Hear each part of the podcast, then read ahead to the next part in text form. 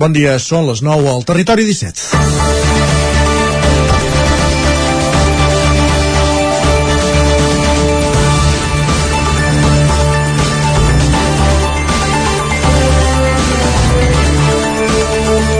El Servei Català de Trànsit es planteja com a objectiu separar els dos carrils de l'eix bicolot amb una mitjana de formigó. Ho avançava aquest dimarts en una compareixença a Vic el màxim responsable de trànsit a Catalunya, al cap de Benolenc, Ramon Lamiel, en la presentació de les dades de sinistralitat del 2021 a la Catalunya Central. De les 188 víctimes que va haver-hi l'any passat a la carretera, 10 van morir a les carreteres d'aquesta demarcació i 6 d'elles a Osona. L'eix bicolot és un dels trams on s'han registrat més accidents els últims anys i seguint l'argument d'una pel·lícula que salvant les distàncies recorda quan l'eix transversal perdó, tenia un sol carril per sentit, ara la Miel explica que una manera de reduir la sinistralitat en aquesta via és una separació de formigó. L'altra mesura prevista i d'aplicació imminent és el radar de tram de la C-17 a Sant Martí de Centelles, que s'ha de posar en marxa en els propers mesos. La reducció de la sinistralitat a la carretera fa molts anys que forma part de l'agenda política. Moltes vegades la sensació és que es va a remolc. S'actua la millora de la seguretat quan ja s'han produït massa víctimes i en aquesta línia ens ve al cap un cas recent.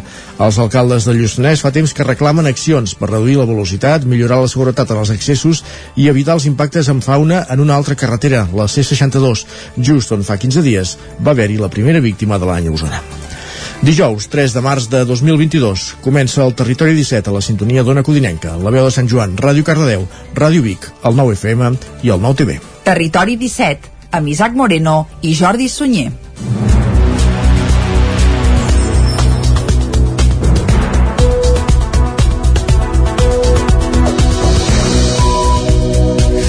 Passen dos minuts de les 9 del matí d'avui dijous, dia 3 del 3 del 2022. Això sí, i el que farem de seguida Ja fa, aquí ja a fa un mes Territori el 2 del 17 2 del 2 2 2 2 és que el temps passa volant, eh? ja ens ho diu en Pep Acosta, ens ho recorda cada dia. Sí, Va sí. tot molt de pressa, però no, 3 del 3 del 33, aquí crec que no hi arribarem mai, eh? Uh, almenys nosaltres, Territori 17 potser sí, Home, el però... 33 sí, és d'aquí 11 anys, no?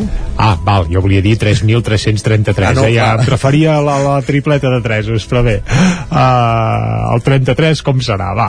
Uh, on sí que arribarem 44, segur, va, on sí que arribarem segur és a repassar totes les informacions de les nostres comarques i això ho farem durant la primera hora aquí a Territori 17. A partir de les 10, més informació i tot seguit serà el moment d'anar cap a l'entrevista. Avui on? Avui Isaac? ens quedem a Vic per parlar amb la Rosa Calzina, la coordinadora d'Unió de Pagesos a la Catalunya Central. El sindicat es mobilitza avui amb tracturades arreu de Catalunya, una de les quals a Vic, davant la crisi de preus del sector agrari i la inacció dels governs. Doncs això, d'això en parlarem cap a un quart d'onze del matí a dos just abans quarts d'onze. Està convocada a dos quarts, doncs just abans la, la Rosa Calzina ens atendrà telefònicament.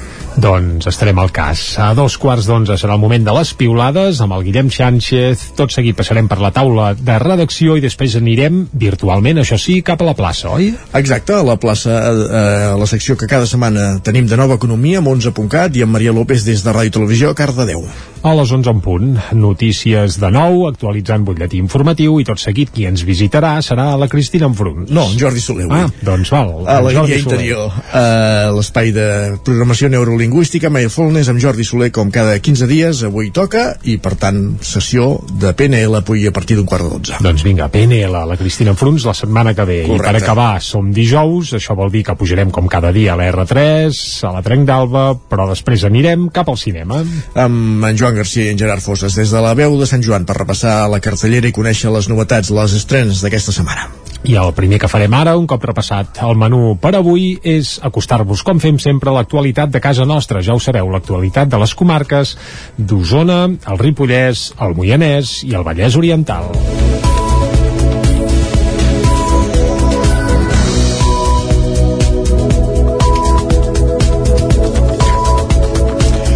Osona és la comarca de la Catalunya central on l'any 2021 hi va haver més víctimes mortals en accident en zona interurbana, és a dir, a les carreteres. Dels 10 que es van registrar a les comarques centrals, 6 van morir en vies osonenques. Són dades del director del Servei Català de Trànsit, Ramon Lamiel, que en un acte dimarts a Vic també va lamentar les dades de sinistralitat que han marcat els dos primers mesos del 2022.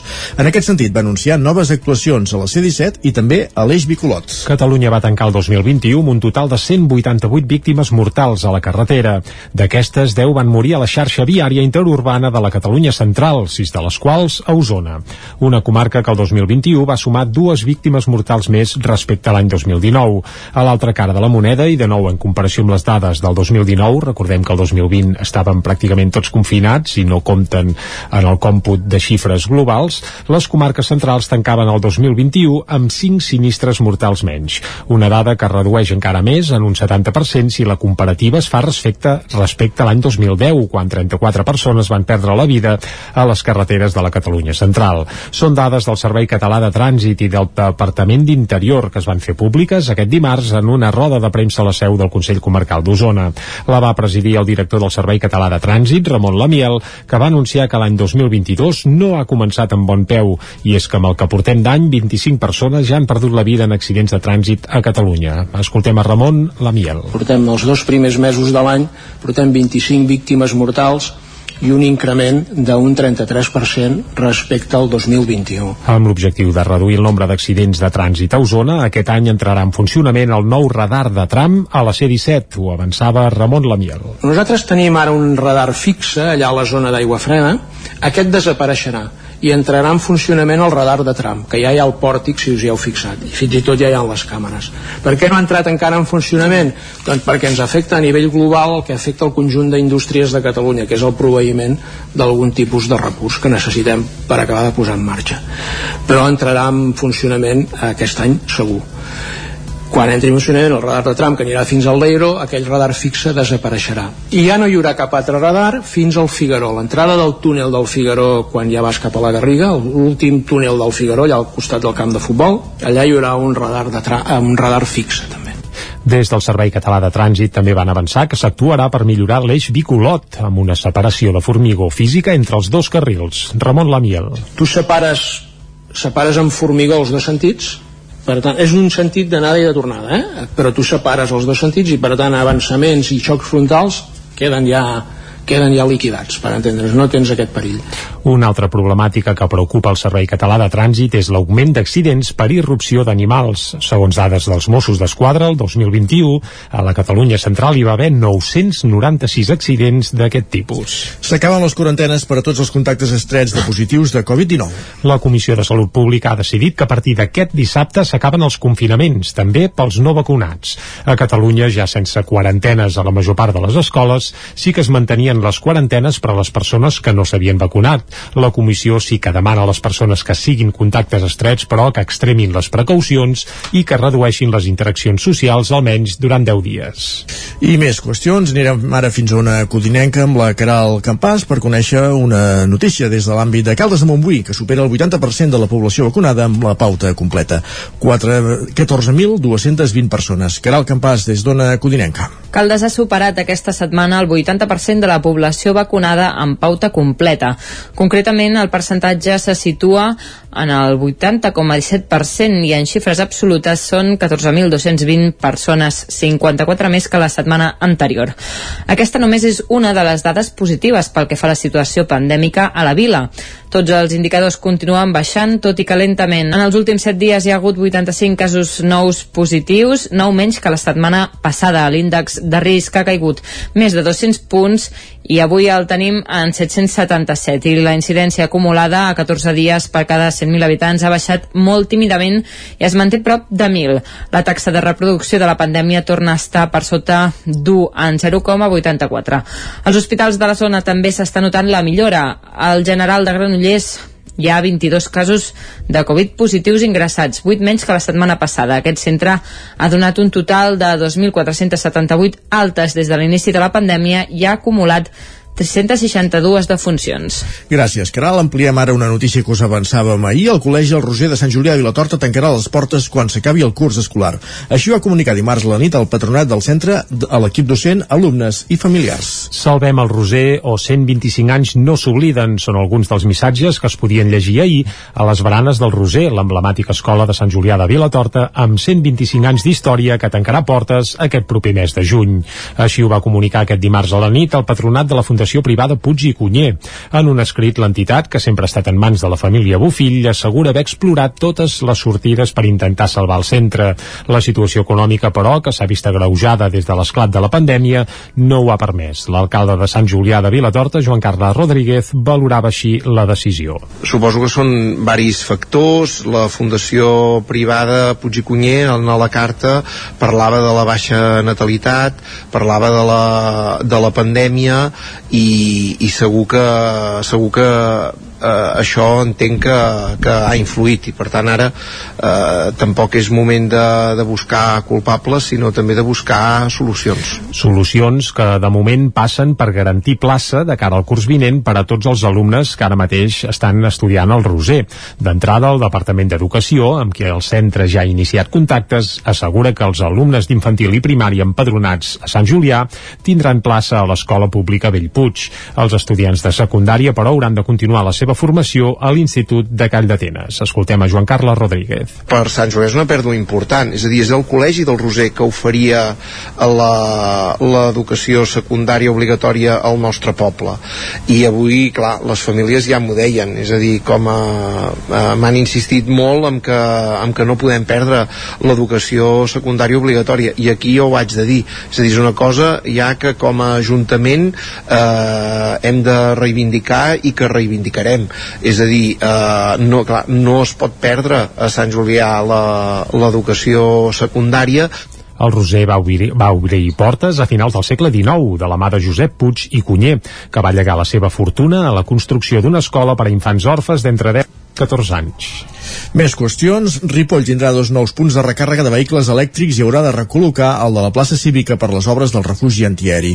Isaac Muntades, des de la veu de Sant Joan. Amb l'únic vot contrari de l'alternativa per Ripoll CUP i l'abstenció de la regidora no escrita Sílvia Oriols, l'Ajuntament de Ripoll va aprovar un conveni per instal·lar dos nous punts de recàrrega per a vehicles elèctrics a càrrec de carga cotxes SL, un dels quals s'ubicarà a la plaça Abat Arnulf, essent de recàrrega semiràpida, i l'altre a la zona esportiva del carrer Concepció d'Uclux, que serà de recàrrega superràpida. I seran durant un termini de 10 anys i el consistori tindrà un percentatge de benefici del 3% del preu del client registrat, tal com està establert en el conveni. El cap de l'àrea i serveis al territori, Joaquim Colomer, va recordar que fa un temps van signar un conveni amb Endesa per gaudir de 6 punts de recàrrega per a vehicles elèctrics. En total, Ripoll ja compta amb 10 punts de recàrrega, dels quals n'hi ha 9 que són de recàrrega mitjana amb una potència de 30 kW, mentre que l'altre, que s'afegirà ara, té una potència de 100 kW.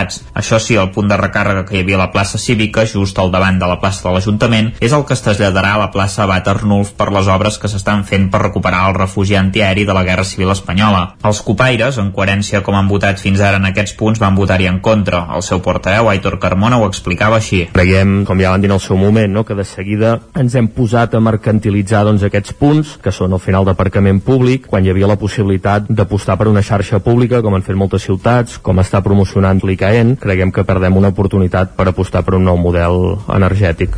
En primer lloc, Colomer va apuntar-li que van ensenyar els punts vacants a totes les empreses disponibles i Carga Cotxes va ser la que va interessar-se per fer-se'n càrrec. A més, el regidor de Junts per Ripoll va recordar-li que sortiria molt més car fer-ho, com deia Carmona. A la vegada que vam fer el conveni doncs, amb Endesa, d'alguna manera hem de ser conscients que un comptador de 50 quilowatts, el cost mensual que tindria per l'Ajuntament, doncs, arribaria a ser entre uns 300-400 euros mínim, a part dels manteniments. Per tant, això vol dir que multiplicat per aquests 10 vol dir que estaríem gravant amb cada habitant d'aquí de, del municipi de Ripoll amb una càrrega extra a nivell de costos doncs, d'aquests carregadors i el que fem, doncs el que vàrem fer va ser externalitzar això perquè a part de no tindre que pagar aquesta energia, almenys en el moment inicial, això sigui un benefici per l'Ajuntament. Per tant, costaria entre 3.000 i 4.000 euros mensuals de cost pel consistori, que al llarg de l'any podrien arribar a ser 48.000 euros. Oriols va demanar que es garantís que els rètols, les instruccions d'ús i la informació que aparegui a les pantalles digitals sigui en català per defensar els drets lingüístics dels ripollesos, ja que les que estan instal·lades surten en castellà, anglès i italià. Colomer va dir que intentarien que fos així. L'empresa d'enginyeria manlleuenca Orlocat va acollir la setmana passada una demostració de robots col·laboratius desenvolupats per la multinacional Universal Robots. Durant tres dies i en el marc de l'anomenat Tour Collaborate es van poder veure a Manlleu diferents robots dedicats a fer tasques com moure palets, polir metalls o col·locar cargols a mida. Aquests robots són les joies de la corona del distribuïdor a Catalunya de Vico Systems i els ha desenvolupat Universal Robots, líder mundial en la fabricació de robots col·laboratius. Es van exhibir a Manlleu amb dos objectius productius, fer de la robòtica una eina habitual en tots els sectors productius i sobretot donar solucions a petites i mitjanes empreses de la comarca. Ho detalla Juan José Coronado, que és gerent de Vico Systems. Creiem que el sector Manlleu té un abast molt important de processos eh, i tenim la enginyeria referent a Manlleu, per tant volem començar amb aquesta zona per anar liderant i veiem tot el, diguéssim, la part de negoci i la part d'apollo amb les pimes eh, si podem començar per aquesta zona no? Tenim Barcelona eh, Sabadell està molt ple de tot això i ara volem eh, fer la base en aquesta zona Representants d'empreses d'Osona es van interessar per unes màquines capaces d'adaptar-se a qualsevol procés productiu. Adquirir-les suposa una inversió que, segons el gerent de Bicosystems i també CEO d'Urlocat, Sebastià López, està a l'abast de moltes petites i mitjanes empreses. Escoltem a Sebastià López. La inversió és molt relativa. Vull dir, no, no, no és allò que eh, és car, barat, o, és inversió, perquè a vegades de fer números i si és amortitzable és amortitzable. Vull dir, per una gent pot ser molts cèntims 10.000 euros i per un altre 100.000 euros, però vull dir, és buscar el rendiment que li puguis treure a l'aplicació vull dir, el preu és, és relatiu no, pot dir, no, no és una és complicat dir un preu bàsicament perquè és en tot el procés de fabricació, l'enginyeria el que és el robot que, sigui, que al final que sigui rentable i sigui amortitzable. Des que l'any 2008 es va presentar el primer robot col·laboratiu i Universital Robots ha desenvolupat un ampli repertori de productes. Amb seu a Dinamarca, l'empresa compta amb oficines a una quinzena de països i ha instal·lat més de 50.000 robots arreu del món. L'espectacle Abandonate Mucho de la XL va fer parada a l'Atlàntida de Vic el cap de setmana passat en el marc del cicle amb veu de dona. Les artífecs del muntatge són l'actriu extremenya Nia Cortijo i la manlleuenca Marta Sitjà. L'espectacle el van estrenar el 2015, abans de l'últim auge del moviment feminista, qüestionar, qüestionant, volem dir des de l'humor, els patrons de bellesa en les dones o els tòpics també de l'amor romàntic. Set anys després el continuen portant per escenaris de tots els països catalans i també de l'estat espanyol. Ho explica l'actriu manlleuenca Marta Sitjà. De fet, nosaltres vam estrenar aquest espectacle abans de tot el boom del feminisme feminisme i, i a més a més hem anat pujant com amb el, el feminisme ha pujat no? Mm, les dones ens hem donat compte que és moment de parlar de nosaltres de tot el que ens passa eh, està estudiat que les pel·lis de Walt Disney i ser la princesa que esperem al príncep ens fa mal i és el que hem après i llavors te'n dones compte que clar, tu estàs en el món tot el rato esperant que un home et vingui a salvar o et vingui a fer feliç no? ets la, la mitja taronja d'algú ens ho han ensenyat sempre i de cop ens donem compte que podem ser taronges senceres i que no necessitem a ningú al costat per, per ser felices, no? Actualment, a part d'Abandona Te Mucho, Marta Sitja té en marxa altres projectes i muntatges com Teatro sobre Ruedas o Les Polis. Esports. I a l'àmbit esportiu els expliquem que el Vilamajorí, Àlex Palau, és el segon a la primera cursa de la IndyCar 2022. És el Gran Premi de Sant Petersburg en el Gran Premi de Sant Petersburg remuntar, va remuntar des de la desena posició i va tenir opcions de victòria fins al final. Núria Lázaro, des de Ràdio Televisió, Cardedeu. El pilot de Sant Antoni de Vilamajor, Àlex Palou, vigent campió de la IndyCar, ha qualificat de fantàstica la segona posició que ha aconseguit en el GP de Sant Petersburg a Florida, després de remuntar des de la desena posició fins la segona. Aquesta és la carrera que ha inaugurat la temporada 2022 i que el Vilamajorí té la intenció de repetir el resultat de la temporada passada. El de Ship Ganassi Racing d'aquesta manera ha sumat el seu primer podi de la temporada a base d'explotar els seus punts forts, el ritme de cursa i la sensacional estratègia de l'equip. El resultat encara hagués pogut ser millor a no ser per un petit retard de la segona i definitiva aturada que el va tornar a la pista justament darrere del guanyador de la cursa, Scott Mahaulin, que a les tandes classificatòries ja va fer la.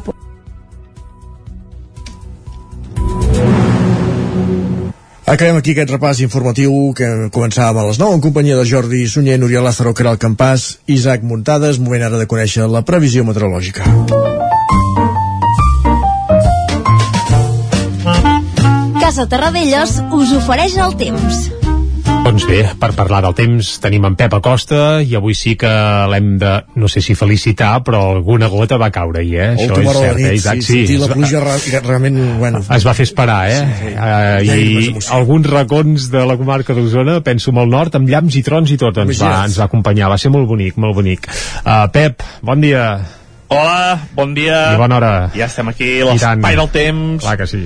Avui dijous, avui ja dia 3 de març, va creixent el mes, va passant els dies, va passant la setmana i per fi ahir va passar un petit front uh, quantitats de precipitació més importants cap a Osona i el Ripollès uh, 11 litres a Molló 11 a Orís uh, 20 litres a Montesquieu uh, i els altres, les altres poblacions en les comarques entre 0 i 5 eh? no va ser gaire, gaire important a les poblacions però bueno és ja una mica un canvi de dinàmica i per fi, per fi eh, canvien, canvien les coses hi ha una mica més de moviment meteorològic uh, llàstima que no va ploure això, eh, els, uh, més de 10 litres a, totes, a totes les poblacions.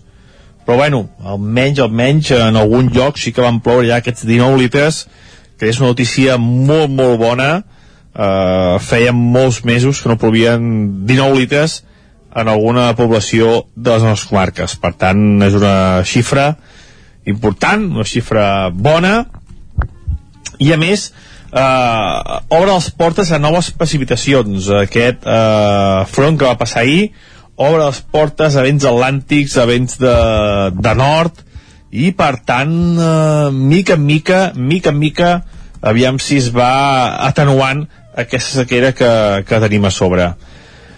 Uh, ens hem llevat amb les temperatures bastant semblants als d'ahir, uh, només glaçades a molta muntanya, els jocs més, a les fondalades, els jocs més freds en les comarques, la majoria de mínimes entre els 5 i els 10 graus. No és una nit molt freda ni molt menys. Al matí farà més sol, més sol que ahir, ahir va ser un dia molt, molt, molt nublat, doncs a partir d'aquest matí, aquest matí no, eh, farà més sol, bastant més de sol, i serà de cara a la tarda que es tornarà a tapar i es taparà perquè s'aproxima un altre front, un altre front atlàntic que també serà bastant actiu.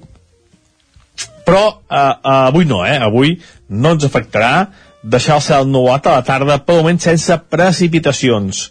Sembla ser que serà demà quan serà més actiu aquest front. Les temperatures màximes una mica més altes que les d'ahir, ja que ja que ahir eh, vam tenir més, eh, més núvols i per tant la temperatura no, no va pujar, no va pujar molt. Avui sí que la temperatura pujarà una mica més, les màximes entre els 14 i els 18 graus la majoria de les temperatures. Eh, si fa sol el dia ja és més llarg i per tant eh, les temperatures ja pugen, es nota aquesta major insolació que tenim ja a casa nostra. Els vents variables, eh, més aviat en direcció nord, però una, una velocitat dels vents molt, molt escassa, no seran vents molt, molt importants. I això és tot, a disfrutar el dia d'avui, un dia sol al matí, a la tarda més núvols, espera aquest front, aviam si demà ens porta noves pluges, i podem superar en algun lloc aquests 19 litres que van caure ahir, que seria una gran notícia. Aviam. Moltes gràcies, adeu. Estarem pendents. I tant que sí, uh, Pep. Uh, avui potser no, però sembla que de cara, bé, a demà tornarem a tenir aigua. Ja fa falta, ja fa pues falta. Va. Tanquem el tema meteorològic, anem cap al quiosc. Som-hi, Som-hi, va. Casa Tarradellas us ha ofert aquest espai. Doncs va, anem a saber què diuen les portades dels diaris d'avui. Jordi, comencem pel punt avui. Comencem pel punt avui. Cobren, com tots els altres, eh? parlant de la crisi a Ucraïna. El titular és sota l'artilleria. Rússia intensifica els bombardejos i comença a dominar el Mar Negre. També apunten que més de 2.000 civils ucraïnesos ja han mort durant la invasió, segons dades de Kiev. I ara ja no es diu Kiev, que era la manera uh, russa amb què parlàvem de la capital d'Ucraïna, sinó Kiev. Molts mitjans catalans ja han adoptat aquest nou topònim, per tant nosaltres també ens hi apuntem com fa el punt avui i a partir d'ara procurarem dir-n'hi Kif. Uh, pànic al negoci fàcil, eh, internacional, a més a més, exacte, a Moscou. I també a la portada del punt avui apareix Antònia Vicenç, que és el nou Premi d'Honor de les lletres catalanes. Es va fer públic ahir, precisament, que Antònia Vicenç era la nova Premi d'Honor de les lletres catalanes. Anem cap a l'ara. Rússia endureix l'ofensiva militar. La forta resistència ucraïnesa no pot evitar la caiguda de la primera ciutat gran, Kherson I també apareix el Borbó a la portada de l'Ara i és que la Fiscalia arxiva la investigació a l'emèrit tot i les irregularitats fiscals. Carai. Per tant, ja veuràs com d'aquí 15 dies aquest senyor ja el tenim passejant per aquí i si no, temps al temps. Per aquí o per allà. Bé, bé, sí, per allà, bé, per, per l'estat espanyol, no, no ens estranyi, bueno, sí, no ens estranyi A Barcelona també té tirada, és veritat. Sí. Va, anem cap a la portada de La Vanguardia. Rússia reforça la ferotge ofensiva per ocupar Kiev Uh, més titulars. Al periòdico Espanya s'implica a fons evidentment parlen també de, del compromís amb Ucraïna i expliquen exacte que el govern rectifica i se suma a la majoria de la Unió Europea per enviar armes malgrat els recels d'Unides Podem. La fotografia és per Barcelona i diuen Barcelona clama contra Putin també amb un raconet apareix el rei Joan Carles amb una fotografia molt ben trobada perquè mira així una mica com si mirés a la lluna saps? Sí. com aquell que no acaba no, de pescar no gaire res i, diu la, no sí. i el titular és la fiscalia exonera el rei Joan Carles i el senyor mirant cap a això cap a, cap a la lluna cap a Crimea Vinga, anem cap a, cap a les portades que s'editen des de l'estat espanyol i aquí el Borbó també apareix, però gairebé el feliciten, eh? Per exemple, deixa'm començar per l'ABC avui. Comencem per l'ABC. Perquè l'ABC, la fotografia del monarca no és aquesta que apareixia abans, sinó que és una on mira a càmera, saluda i fa aquell gest tan típic del Polònia, sí, o que feia sí, sí. la seva Antonio esposa, que en teoria sí. encara ho és, doncs està saludant i diuen Don Juan Carlos, i ja li diuen Don, eh? Exonerado, és a dir, de fet, bàsicament... No li, han, no li han deixat de dir mai no, no, no, però vaja, eh, ja està, el saluden i el treuen aquí molt, molt afavorit amb una fotografia que intueixo que té uns quants anys, però vaja. Ah, exacte. També Sánchez rectifica i armarà Ucraïna per no quedar-se sol a Europa. Això a la portada de l'ABC, eh? Anem ara cap al país, que normalment és la primera que mirem. El setge rus empeny el major èxode de refugiats en 75 anys, aquest és el titular principal del país. També apareix Juan Carlos I, la investigació contra Joan Carles I s'arxiva, tot i les irregular, irregularitats fiscals. Uh, més portades. El Mundo, l'OTAN va deixar en evidència la inacció de Sánchez 24 hores abans de rectificar. I arrenyen a Sánchez per no haver ajudat abans a Ucraïna enviant-los i joguines, militars, evidentment.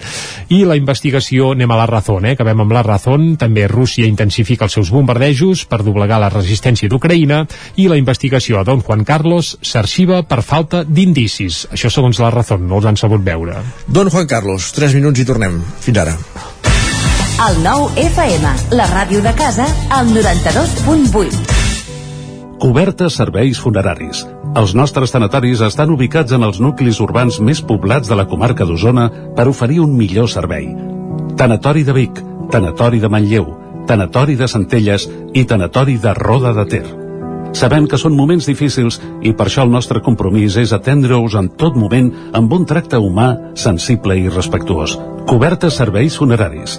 Telèfon 24 hores 93 883 23 46. Això és el que s'escolta al voltant d'una caldera saunia d'Oval tranquil·litat i benestar, perquè gaudeix del millor manteniment del servei tècnic oficial per estar despreocupat. O el que vulgui. Informis a Oficiat Nord trucant al 938860040. Saunier Duval, sempre al seu costat. Retus 2A.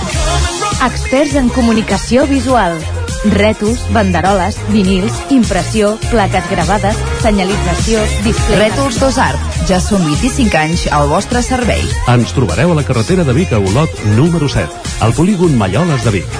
dosartvic.com Telèfon 93 889 2588. El racó de León ja és primavera. Gaudeix de la nostra terrassa. Vine a tastar les xuletilles de lechal a la brasa amb una bona amanida o el xuletón de vedella gallega. No et pots perdre el nostre lechado de Castilla al forn o el cochinillo a l'estil de Segovia. Tot acompanyat del millor celler, al menjador o fora la terrassa. Descobreix la millor cuina de Lleó sense moure't de casa. Vine amb la família, els amics, la parella o sol. T'encantarà. El racó de León, cuina tradicional lleonesa i de mercat. Som al carrer Torelló número 35 de Vic. Per reserves, telèfon 93 889 1950. El racó de León, una cuina diferent. Al restaurant Xavito Gastro de Vic hi trobaràs una cuina mediterrània i de mercat amb gran varietat de plats, amb arrossos, carn o peix fresc de la llotja cada dia. Vine a dinar de dimarts a divendres i prova el nostre menú diari per només 15 euros o a les nits de dijous a diumenge tastar el nostre menú degustació amb arrossos i tapes per 25 euros. Restaurant Xamito Gastro. Ens trobaràs al carrer Callnou número 9 de Vic i al telèfon 93 094 1172 o al 747 42 92 58. Anuncia't al 9FM. La màquina de casa. 9 3 8 8 9 4 9 4 9. Publicitat arroba al 9FM.cat. Anuncia't al 9FM. La publicitat més eficaç. El 9FM, el 9FM, el 9FM, el 9FM. En punt dos quarts de deu al territori 17. Territori 17, amb Isaac Moreno i Jordi Sunyer.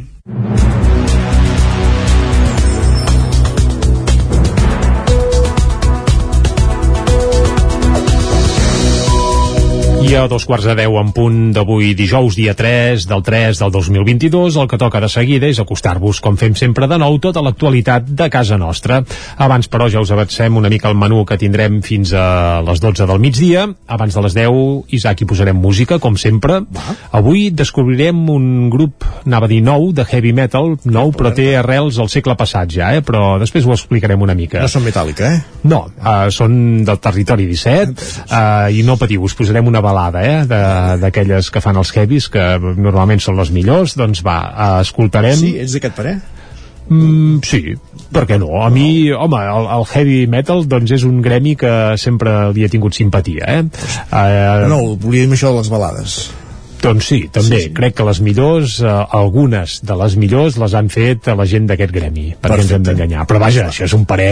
eh, Sí, sí, és subjectiu, Que, però vaja. exacte, tothom Però que té- es compri cap al molí que vulgui, però jo crec que, que és cert. Va, doncs això, escoltarem una balada heavy d'un grup del Territori 17, abans de les 10 descobrirem quin. A les 10 actualitzarem butllet informatiu i tot seguit a l'entrevista Isaac anirem de tracturada. Exacte. Uh, parlarem amb Rosa Calzina, la coordinadora d'Unió de Pagesos a la Catalunya Central, perquè aquest sindicat es mobilitza avui amb tracturades arreu de, de Catalunya, una de les quals a Vic, davant la crisi de preus al sector agrari i la inacció dels governs. La tracturada comença, surt a dos quarts d'onze de Camp Pamplona i uns minuts abans Rosa Calzina, com dèiem, serà al territori 17. A dos quarts d'onze arribarà el moment de les piulades amb en Guillem Sánchez. Tot seguit farem un cop d'ull a les portades del 99.cat, anirem a la taula de redacció i després anirem cap a la plaça. L'espai de nova economia que cada setmana ens acosta a 11.cat amb la Maria López des de Ràdio Televisió Cardedeu. A les 11 en punt actualitzarem butlletí informatiu i després qui ens visitarà físicament, a més, aquí als estudis eh, serà en Jordi Soler. Eh? Exacte, l'espai eh, quinzenal de l'Alegria Interior sobre programació neurolingüística o mindfulness, una sessió de PNL amb Jordi Soler. A dos quarts de dotze arribarà el moment de pujar al tren, a la Trenc d'Alba, com fem cada dia, i avui, que és dijous, ens toca acabar parlant de cinema. Amb en Gerard Fosas i en Joan Garcia des de la veu de Sant Joan, l'actualitat cinematogràfica, les estrenes, la cartellera, tot en aquesta última secció del dijous al Territori 17. I un cop fet tot aquest repàs, el que ens toca ara és seguir i ho farem acostant-vos, com fem sempre, l'actualitat de casa nostra. Ja ho sabeu, l'actu- l'actualitat de les comarques del Ripollès, Osona, el Moianès i el Vallès Oriental. Osona és la comarca de la Catalunya central on l'any 2021 hi va haver més víctimes mortals en accident en zona interurbana, és a dir, a les carreteres. Dels 10 que es van registrar a les comarques centrals, 6 van morir en vies osonenques. Són dades del director del Servei Català de Trànsit, Ramon Lamiel, que en un acte dimarts a Vic també va lamentar les dades de sinistralitat que han marcat els dos primers mesos del 2022. En aquest sentit, va anunciar noves actuacions a la C-17 i també a l'Eix Bicolot. Catalunya va tancar el 2021 amb un total de 188 víctimes mortals a la carretera. D'aquestes, 10 van morir a la xarxa viària interurbana de la Catalunya central, 6 de les quals a Osona. Una comarca que el 2021 va sumar dues víctimes mortals més respecte a l'any 2019. A l'altra cara de la moneda, i de nou en comparació amb les dades del 2019, recordem que el 2020 estaven pràcticament tots confinats i no compten en el còmput de xifres globals, les comarques centrals tancaven el 2021 amb 5 sinistres mortals menys. Una dada que redueix encara més en un 70% si la comparativa es fa respecte, respecte a l'any 2010, quan 34 persones van perdre la vida a les carreteres de la Catalunya central. Són dades del Servei Català de Trànsit i del Departament d'Interior que es van fer públiques aquest dimarts en una roda de premsa a la seu del Consell Comarcal d'Osona. La va presidir el director del Servei Català de Trànsit, Ramon Lamiel, que va anunciar que l'any 2022 no ha començat amb bon peu i és que amb el que portem d'any 25 persones ja han perdut la vida en accidents de trànsit a Catalunya. Escoltem a Ramon Lamiel. Portem els dos primers mesos de l'any, portem 25 víctimes mortals i un increment d'un 33% respecte al 2021. Amb l'objectiu de reduir el nombre d'accidents de trànsit a Osona, aquest any entrarà en funcionament el nou radar de tram a la C-17, ho avançava Ramon Lamiel. Nosaltres tenim ara un radar fixe allà a la zona d'aigua freda, aquest desapareixerà i entrarà en funcionament el radar de tram, que ja hi ha el pòrtic si us hi heu fixat, i fins i tot ja hi ha les càmeres. Per què no ha entrat encara en funcionament?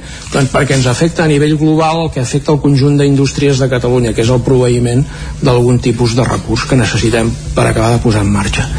Però entrarà en funcionament aquest any segur quan entri en funcionament el radar de tram que anirà fins al Leiro, aquell radar fixe desapareixerà. I ja no hi haurà cap altre radar fins al Figaró. L'entrada del túnel del Figaró quan ja vas cap a la Garriga, l'últim túnel del Figaró, allà al costat del camp de futbol, allà hi haurà un radar, de tra un radar fixe també. Des del Servei Català de Trànsit també van avançar que s'actuarà per millorar l'eix bicolot amb una separació de formigó física entre els dos carrils. Ramon Lamiel. Tu separes, separes amb formigó els dos sentits, per tant, és un sentit d'anada i de tornada, eh? però tu separes els dos sentits i per tant avançaments i xocs frontals queden ja queden ja liquidats, per entendre's, no tens aquest perill. Una altra problemàtica que preocupa el Servei Català de Trànsit és l'augment d'accidents per irrupció d'animals. Segons dades dels Mossos d'Esquadra, el 2021, a la Catalunya central hi va haver 996 accidents d'aquest tipus.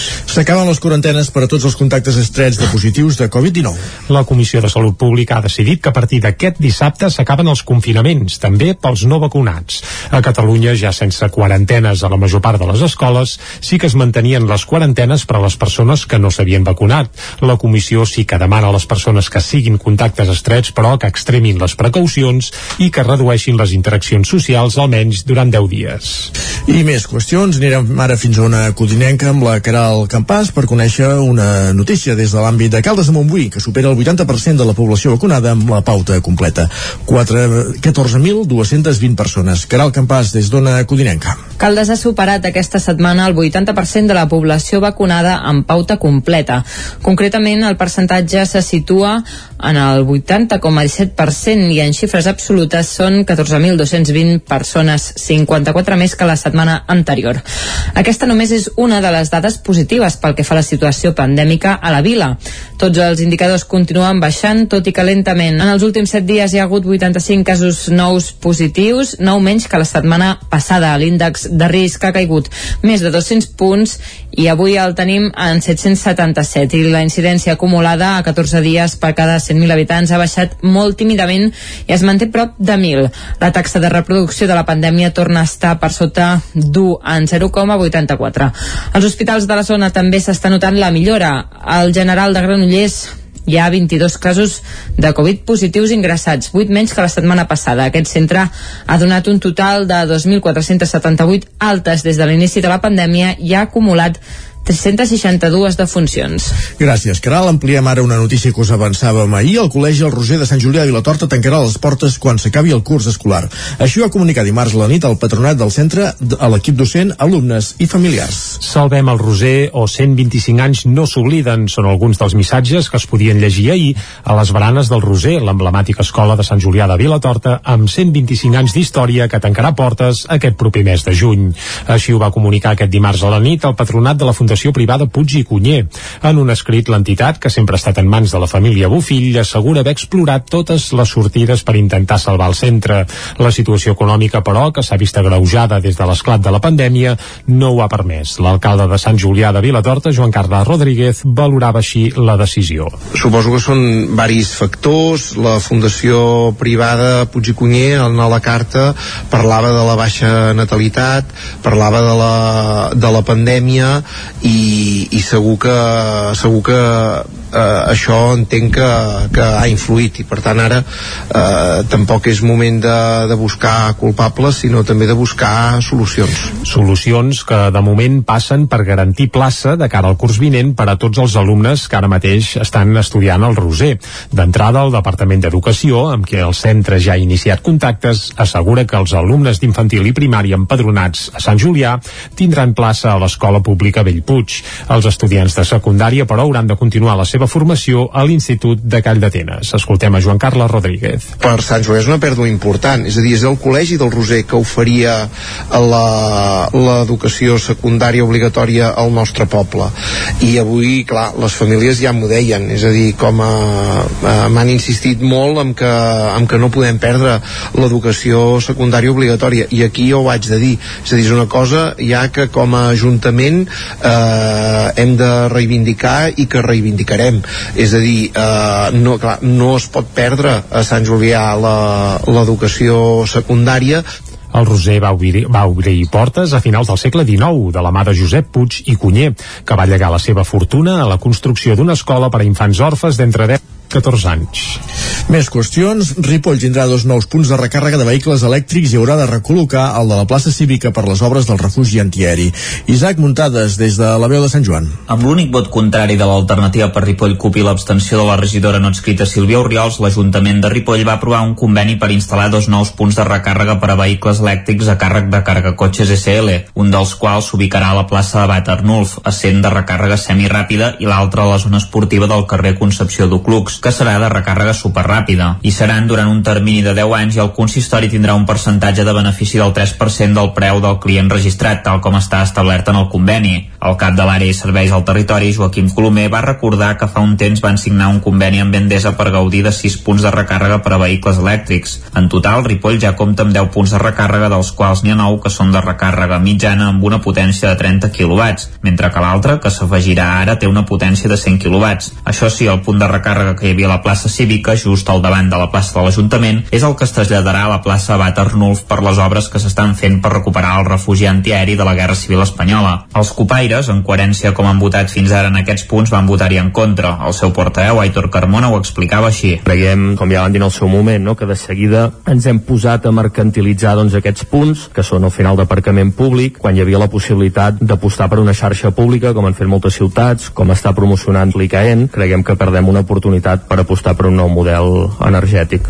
En primer lloc, Colomer va apuntar-li que van ensenyar els punts vacants a totes les empreses disponibles i Carga Cotxes va ser la que va interessar-se per fer-se encàrrec. A més, el regidor de Junts per Ripoll va recordar-li que sortiria molt més car fer-ho, com deia Carmona. a la vegada que vam fer el conveni doncs, amb Endesa, d'alguna manera hem de ser conscients que un comptador de 50 quilowatts, el cost mensual que tindria per l'Ajuntament doncs, arribaria a ser entre uns 300-400 euros mínim, a part dels manteniments. Per tant, això vol dir que multiplicat per aquests 10 vol dir que estaríem gravant amb cada habitant d'aquí de, del municipi de Ripoll amb una càrrega extra a nivell de costos doncs, d'aquests carregadors i el que fem, doncs el que vàrem fer va ser externalitzar això perquè a part de no tindre que pagar aquesta energia, almenys en el moment inicial, això sigui un benefici per l'Ajuntament. Per tant, costaria entre 3.000 i 4.000 euros mensuals de cost pel consistori, que al llarg de l'any podrien arribar a ser 48.000 euros. Oriols va demanar que es garantís que els rètols, les instruccions d'ús i la informació que aparegui a les pantalles digitals sigui en català per defensar els drets lingüístics dels ripollesos, ja que les que estan instal·lades surten en castellà, anglès i italià. Colomer va dir que intentarien que fos així.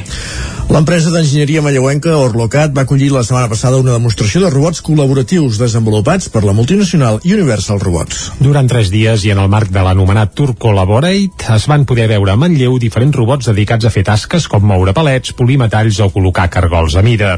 Aquests robots són les joies de la corona del distribuïdor a Catalunya de Vico Systems i els ha desenvolupat Universal, Universal Robots, líder mundial en la fabricació de robots col·laboratius. Es van exhibir a Manlleu amb dos objectius, fer de la robòtica una eina habitual en tots els sectors productius i sobretot donar solucions a petites i mitjanes empreses de la comarca. Ho detalla Juan José Coronado, que és gerent de Vico Systems. Creiem que el sector Manlleu té un abast molt important de processos eh? i tenim la enginyeria referent a Manlleu, per tant volem començar amb aquesta zona per anar liderant i veiem tot el, diguéssim, la part de negoci i la part d'apollo amb les pimes, eh? si volem començar per aquesta zona, no? Tenim Barcelona, eh, Sabadell està molt ple de tot això i ara volem eh, fer la base en aquesta zona. Representants d'empreses d'Osona es van interessar per unes màquines capaces d'adaptar-se a qualsevol procés productiu. Adquirir-les suposa una inversió que, segons el gerent de Bicosystems i també CEO d'Urlocat, Sebastià López, està a l'abast de moltes petites i mitjanes empreses. Escoltem a Sebastià López. La inversió és molt relativa, vull dir, no, no, no és allò que eh, és car, barat, o, és inversió, perquè a vegades de fer números i si és amortitzable no és amortitzable. Vull dir, per una gent pot ser molts cèntims 10.000 euros i per un altre 100.000 euros, però vull dir, és buscar el rendiment que li puguis treure a l'aplicació, vull dir, el preu és, és relatiu, no pot dir, no, no és una... és complicat dir un preu, bàsicament, perquè és en tot el procés de fabricació, l'enginyeria, el que és el robot, que, sigui, que al final que sigui rentable i sigui amortitzable. Des que l'any 2008 es va presentar el primer robot col·laboratiu i Universital Robots ha desenvolupat un ampli repertori de productes. Amb seu a Dinamarca, l'empresa compta amb oficines a una quinzena de països i ha instal·lat més de 50.000 robots arreu del món. L'espectacle Abandonate Mucho de la XL va fer parada a l'Atlàntida de Vic el cap de setmana passat. En el marc del cicle en veu de dona, les artífecs del muntatge són l'actriu extremenya Nia Cortijo i la manlleuenca Marta Sitjà. L'espectacle el van estrenar el 2015, abans de l'últim auge del moviment feminista, qüestionar, qüestionant, volem dir des de l'humor, els patrons de bellesa en les dones o els tòpics també de l'amor romàntic. Set anys després el continuen portant per escenaris de tots els països catalans i també de l'estat espanyol. Ho explica l'actriu manlleuenca Marta Sitjà. De fet, nosaltres vam estrenar aquest espectacle abans de tot el boom del feminisme i, i a més a més hem anat pujant com amb el, el feminisme ha pujat no? Mm, les dones ens hem donat compte que és moment de parlar de nosaltres de tot el que ens passa Eh, està estudiat que les pel·lis de Walt Disney i ser la princesa que esperem el príncep ens fa mal i és el que hem après i llavors te'n dones compte que clar, tu estàs en el món tot el rato esperant que un home et vingui a salvar o et vingui a fer feliç no? Ets la, la mitja taronja d'algú ens ho han ensenyat sempre i de cop ens donem compte que podem ser taronges senceres i que no necessitem a ningú al costat per, per ser felices no? Actualment, a part d'Abandona Te Mucho, Marta Sitja té en marxa altres projectes i muntatges com Teatro sobre Ruedas o Les Polis. Esports. I a l'àmbit esportiu els expliquem que el Vilamajorí, Àlex Palau, és el segon a la primera cursa de la IndyCar 2022. És el Gran Premi de Sant Petersburg en el Gran Premi de Sant Petersburg remuntar, va remuntar des de la desena posició i va tenir opcions de victòria fins al final. Núria Lázaro, des de Ràdio Televisió, Cardedeu. El pilot de Sant Antoni de Vilamajor, Àlex Palou, vigent campió de la IndyCar, ha qualificat de fantàstica la segona posició que ha aconseguit en el GP de Sant Petersburg a Florida, després de remuntar des de la desena posició fins la segona. Aquesta és la carrera que ha inaugurat la temporada 2022 i que el Vilamajorí té la intenció de repetir el resultat de la temporada passada. El de Ship Ganassi Racing d'aquesta manera ha sumat el seu primer podi de la temporada a base d'explotar els seus punts forts, el ritme de cursa i la sensacional estratègia de l'equip. El resultat encara hagués pogut ser millor a no ser per un petit retard de la segona i definitiva aturada que el va tornar a la pista justament darrere del guanyador de la cursa, Scott Mahaulin, que a les tandes classificatòries ja va fer la.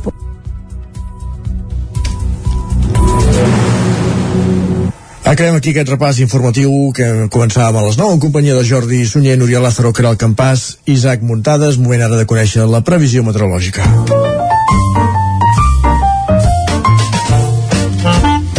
Casa Terradellos us ofereix el temps. Doncs bé, per parlar del temps tenim en Pep Acosta i avui sí que l'hem de, no sé si felicitar, però alguna gota va caure ahir, eh? Això és cert, eh, Isaac? sí, sí, la pluja re- realment, bueno... Es va fer esperar, eh? Sí, sí. Uh, I alguns racons de la comarca d'Osona, penso molt nord, amb llamps i trons i tot, ens va, ens va acompanyar. Va ser molt bonic, molt bonic. Uh, Pep, bon dia.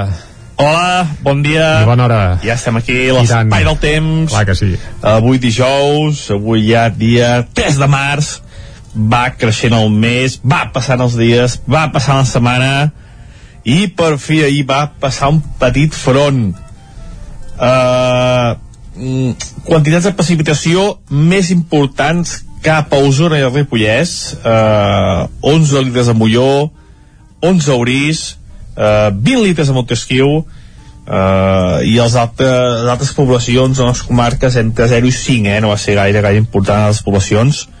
Però bueno és ja una mica un canvi de dinàmica i per fi, per fi mm, eh, canvien, canvien les coses. Hi ha una mica més de moviment meteorològic Uh, llàstima que no va ploure això, eh, els, uh, més de 10 litres a, totes, a totes les poblacions. Però bueno, almenys, almenys en algun lloc sí que van ploure ja aquests 19 litres que és una notícia molt, molt bona. Uh, feien molts mesos que no plovien 19 litres en alguna població de les nostres comarques. Per tant és una xifra important, una xifra bona.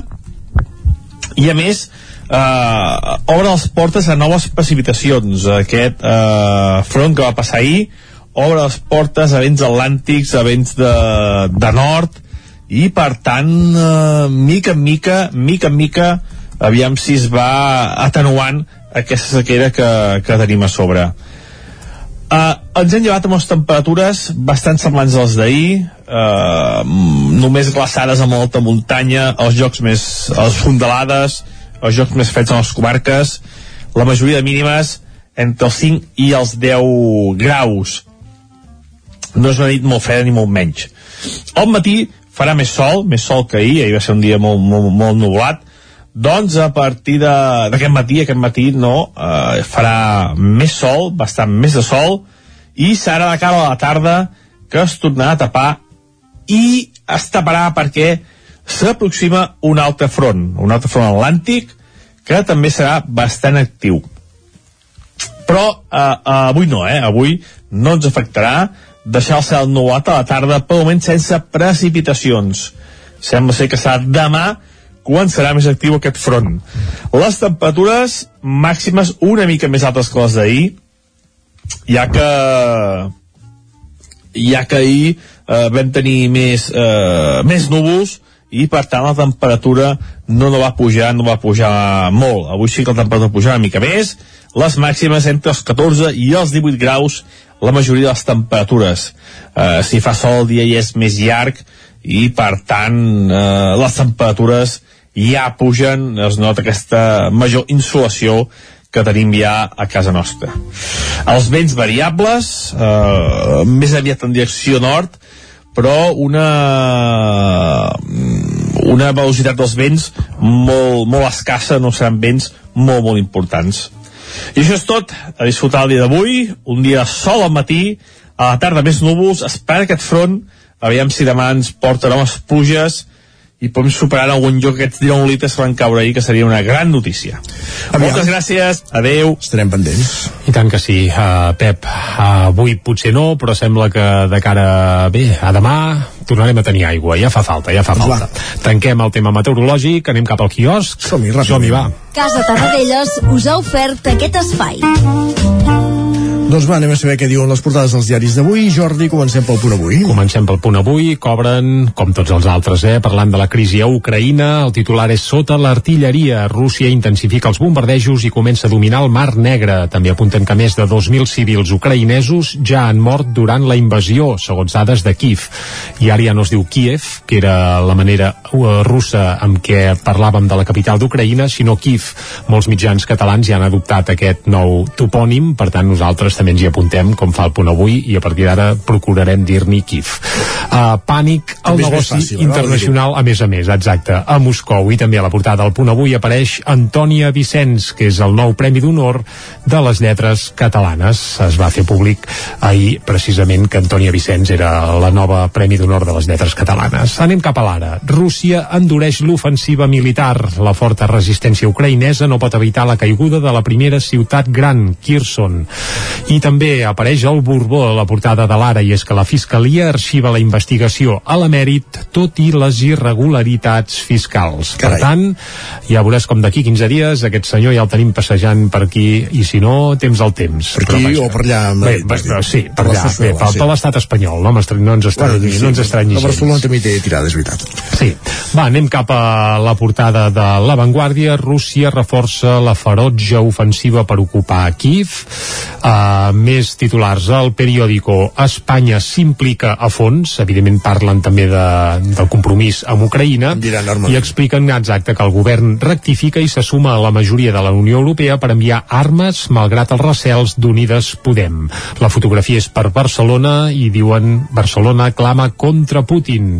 També en un raconet apareix el rei Joan Carles amb una fotografia molt ben trobada perquè mira així una mica com si mirés a la lluna saps? Sí. com aquell que no acaba No, de pescar no- gaire res i, diu la, no va bé, sí. i el titular és la fiscalia exonera el rei Joan Carles i el senyor mirant cap a això cap a, cap a la lluna cap a Crimea Vinga, anem cap a, cap a les portades que s'editen des de l'estat espanyol i aquí el Borbó també apareix però gairebé el feliciten, eh? Per exemple, deixa'm començar per l'ABC avui Comencem per l'ABC. perquè l'ABC la fotografia del monarca no és aquesta que apareixia abans, sinó que és una on mira a càmera, saluda i fa aquell gest tan típic del Polònia o Sí, que feia sí, sí. la seva Antonio esposa, que en teoria encara ho és doncs està saludant i diuen Don Juan Carlos, i ja li diuen Don, eh?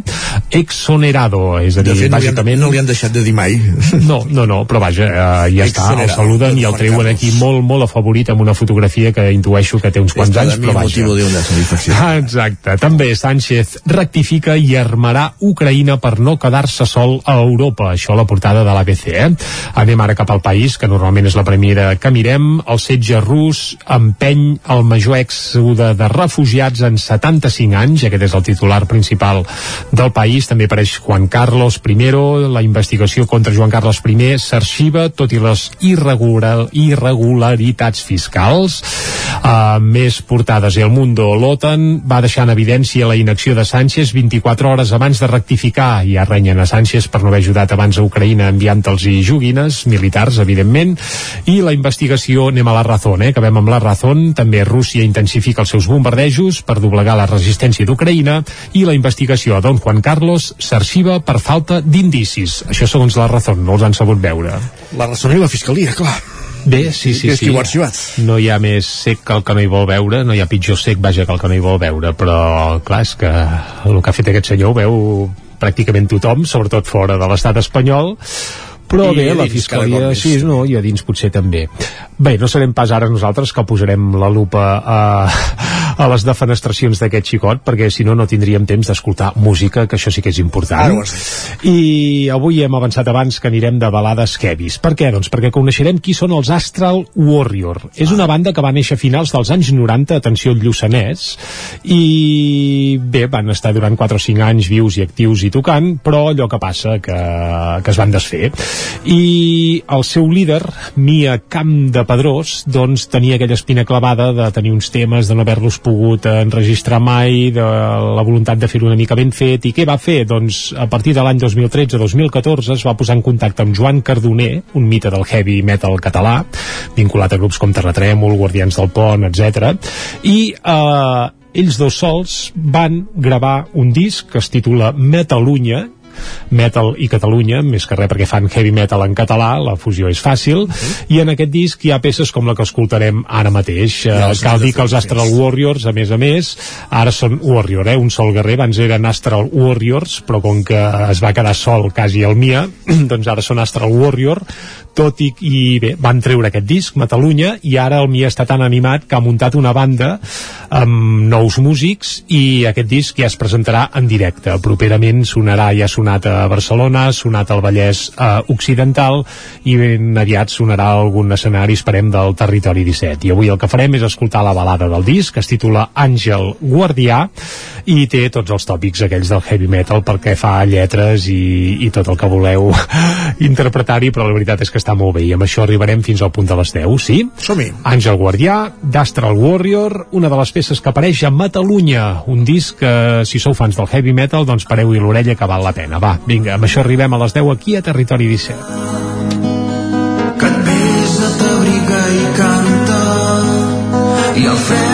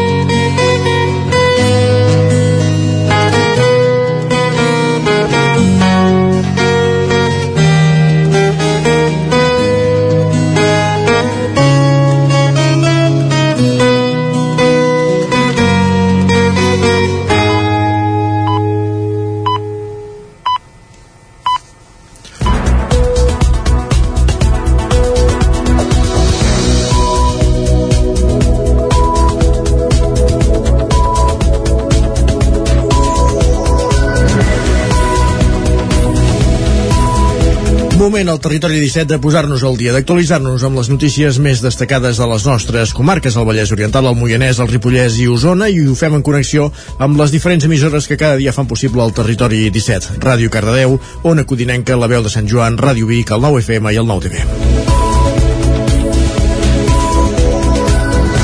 Diversos municipis usonencs i del territori 17 se sumen a les concentracions per la pau i de suport al poble ucraïnès. A Torelló, dimarts, hi van participar un centenar de persones. Abans de l'acte, l'Ajuntament es va reunir amb representants d'Osona amb els nens. Al matí hi havia hagut una altra reunió amb el Consell Comarcal per coordinar l'arribada de persones ucraïneses que marxen del seu país i que vindran a Osona pel vincle que hi tenen a través d'aquesta ONG. Un centenar de persones es van concentrar aquest dimarts al vespre a la plaça de la Vila de Torelló en una de les diverses concentracions fetes a Osona de suport al poble ucraïnès i en contra de la guerra.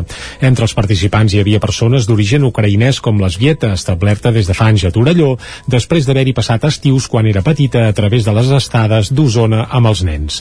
Escoltem el seu testimoni. El d'Esvitlana, Poverankova. Els que estem aquí estem bé, dins del que cap. Els que estan malament són les nostres famílies que estan allà a través de Telegram, les xarxes socials bàsicament, no? o sigui, és tot el dia mirant si s'han connectat Uh, un cop veus que s'han connectat feia poc, doncs uh, estàs més tranquil. El que sí que arriba informació dels amics que estan atrapats a la ciutat de Kharkiv, que és la segona ciutat d'Ucraïna, uh, ha estat un infern. Ha estat un infern perquè uh, els han bombardejat amb una intensitat inèdita i inhumana. Abans de la concentració, membres d'Osona amb els nens es van reunir amb representants de l'Ajuntament de Torelló. Al matí també s'havien trobat amb el Consell Comarcal, que serà qui coordinarà els ajuntaments i també l'entitat per a organitzar l'acollida a la comarca de persones que hi havien estat a Osona amb els nens i que ara fugen de la guerra. A la comarca es prioritzaran les ajudes econòmiques i també s'obrirà un cens d'habitatges que es puguin posar a disposició dels refugiats. Escoltem per aquest ordre a Marçal Ortuño, alcalde de Torelló, i a Mercè Fiol, presidenta de l'ONG Osona amb els nens. I s'ha detectat eh, en primer lloc que faran falta eh, doncs, recursos econòmics per poder fer front eh, a l'acollida d'aquests de, desplaçats eh, i, i bàsicament econòmics perquè els materials doncs, eh, amb altres experiències es demostra que no, no són els més eficients no? i per altra banda també amb la constitució d'una espècie de borsa d'habitatges per poder tenir disposició de, de tots aquests desplaçats que, que arribin al nostre territori. Vull dir, nosaltres tenim ja poder 500 persones amb una llista que s'ha ofert. Sé que aquestes 500 persones, quan sigui l'hora, poder no, eh, no totes els anirà bé per qualsevol motiu familiar però és igual, dir, com que cada dia, cada moment et van trucant gent i et van eh, et van dir oferint-se la seva casa, nosaltres continuarem fent llista i tirant endavant. A Osona també hi ha en marxa iniciatives solidàries per fer arribar material a Polònia i a Ucraïna. Es recullen, entre d'altres, material sanitari, roba d'abric, productes d'higiene personal o bolquers. I on també s'han mobilitzat per ajudar la població ucraïnesa és a Caldes de Montbui, on han recollit 10.000 euros en ajuda humanitària per les víctimes de la guerra. Caral Campàs, des d'Ona Codinenca. L'Ajuntament de Caldes ha habilitat una partida de 10.000 euros per destinar ajuda humanitària per les víctimes del conflicte armat entre Rússia i Ucraïna. L'aportació està gestionada a través del Fons Català de Cooperació i es destinarà a tres objectius. Per una banda, l'assistència en les rutes de fugida i la cobertura de les necessitats bàsiques de les persones desplaçades a països de primera acollida. D'altra banda, el desplegament d'assistència humanitària en territori ucraïnès i per últim la realització d'accions de suport a municipis afectats dels països de primera acollida. Sentim Isidre Pineda en la concentració d'aquest dimarts davant l'Ajuntament amb un centenar d'assistents caldrà respondre a aquesta crisi humanitària que tot just acaba de començar, de la que ja s'estan tenint unes terribles, terribles conseqüències. Um, la primera vessant és tot el suport humanitari a la frontera de les persones que són refugiades, frontera Polònia, frontera Romania, per posar dos casos concrets, l'ajuda que ja hem articulat de 10.000 euros uh, en concepte de campanya d'ajuda humanitària al Fons Català de Cooperació anirà en aquest sentit, també des del Fons Català s'està estudiant eh, eines per poder accedir a material sanitari dins del territori eh, d'Ucraïna, però això és més complicat perquè evidentment és un, és un territori de guerra però, però no oblidem que també doncs, eh, en la mesura del possible intentarem intentarem contribuir Les ONG calderines també s'han activat.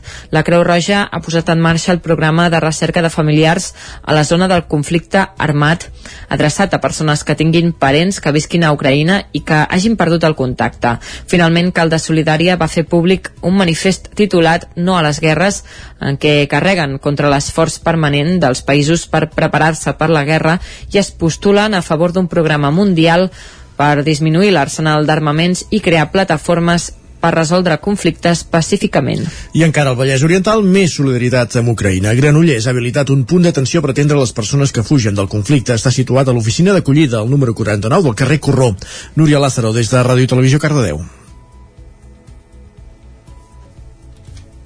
L'Ajuntament de Granollers ha habilitat un punt d'atenció per atendre les necessitats de les persones que arriben a la ciutat fugint de la guerra d'Ucraïna per instal·lar-se a casa de familiars i amics. El punt d'atenció centralitzat és a l'oficina d'acollida al número 49 del carrer Corró en horari de 9 del matí a 2 de la tarda. Des d'allà es canalitzen tots els tràmits per a l'empadronament, es proporciona l'assessorament en temes legals i s'identifiquen necessitats puntuals que vagin sortint.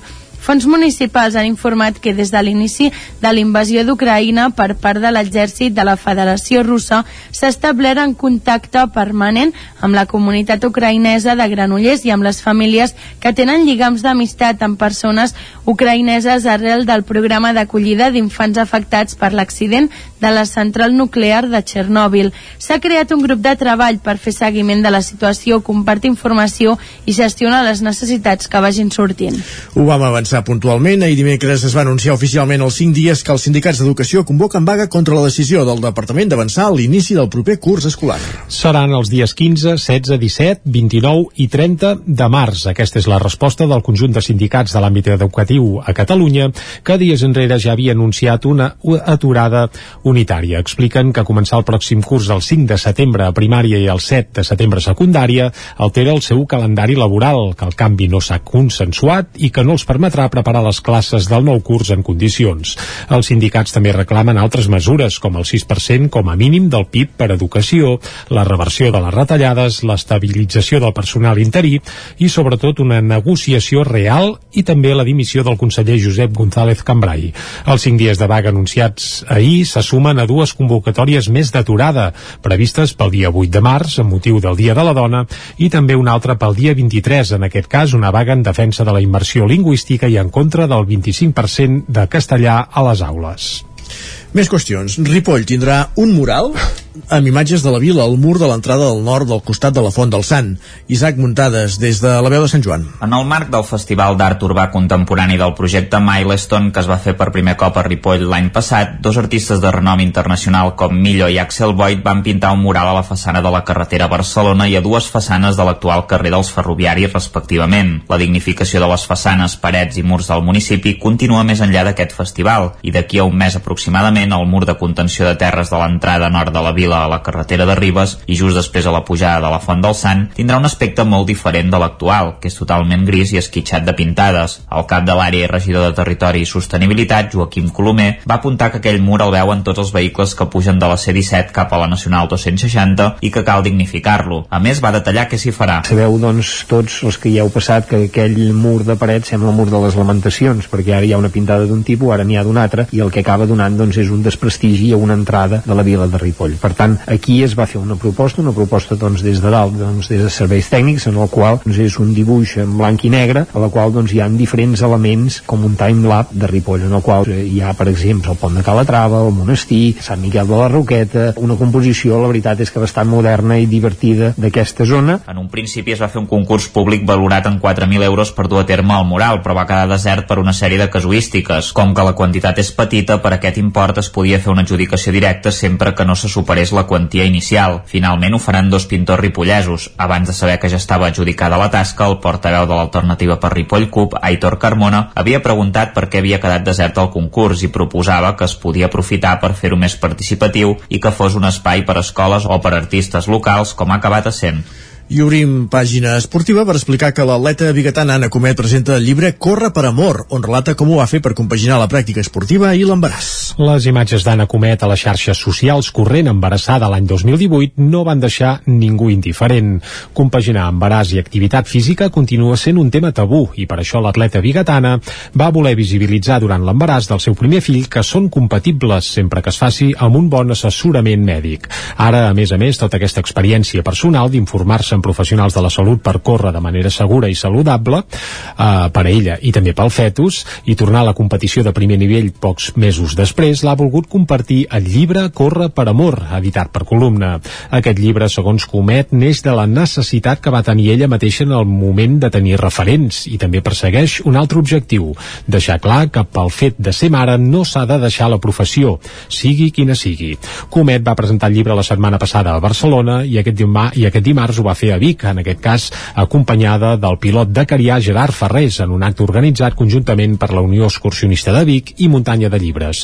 L'esportista va compartir amb els presents que la seva idea inicial era començar-lo amb l'embaràs i acabar-lo amb el retorn a una gran competició que fa anys que té en ment, com és la Marató dels Sables, però la pandèmia de la Covid-19 ho va impedir. El que no ha impedit és desistir, vaja, el que no ha fet és desistir i renunciar al seu somni, comet. I finalment el que farà és partir participar a una ultramarató per etapes al desert del Sàhara a finals d'aquest març, amb l'objectiu, a més a més, de guanyar-la. La tornada a una cursa de ressò mundial s'ha fet esperar i la prova és que el seu fill ara mateix ja té 3 anys. Ara, però, ja només una setmana separen a Comet de l'última part d'un dels seus projectes més especials. Doncs l'anirem seguint. Gràcies, Jordi. Acabem aquí aquest repàs informatiu que començàvem al punt de les 10 en companyia, com sentíem, de Jordi Sunyer, Isaac Muntades, Núria Lázaro i Caral Campàs. Moment de saludar en Pep Acosta per conèixer la la previsió meteorològica.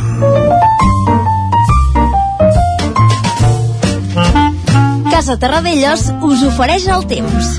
Doncs vinga, a primera, al matí, a primera hora del matí ja l'hem saludat, l'hem escoltat explicant-nos que ahir finalment va ploure i sembla que avui potser no, però que demà hi pot tornar. Per tant, el saludem i que ens ho expliqui amb tot detall. Pep, bon dia de nou. Hola, bon dia. I bona hora. I per fi, per fi, uh, canvia, canvia les coses mm. hi ha una mica més de moviment meteorològic. Ja tocava. Uh, llàstima que no va ploure això, eh, els, uh, més de 10 litres a, totes, a totes les poblacions. Mm -hmm, va ploure però poc, bueno, sí. almenys, almenys en algun lloc sí que van ploure ja aquests 19 litres, mm -hmm. que és una notícia molt, molt bona. I tant. Uh, feien molts mesos que no plovien 19 litres en alguna població de les nostres comarques. Per tant, és una xifra important, una xifra bona, i a més, eh, obre les portes a noves precipitacions. Aquest eh, front que va passar ahir obre les portes a vents atlàntics, a vents de,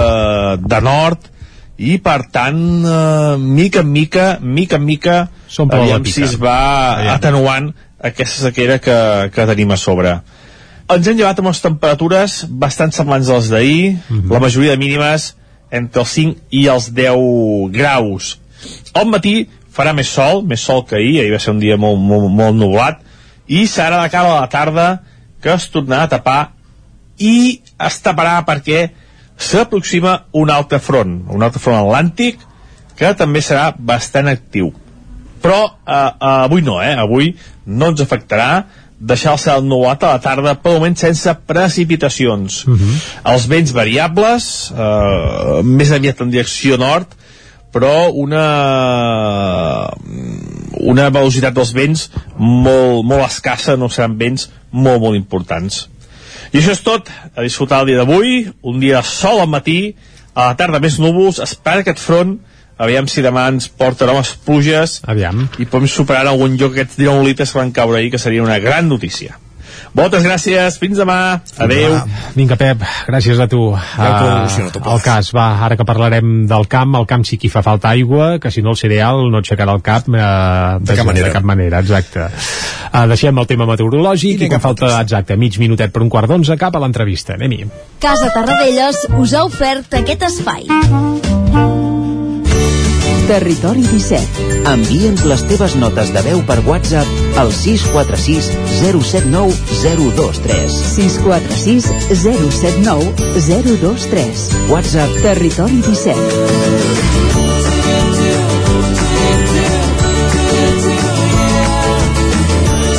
Territori 17. Som a Facebook, Twitter i Instagram amb l'usuari Territori 17.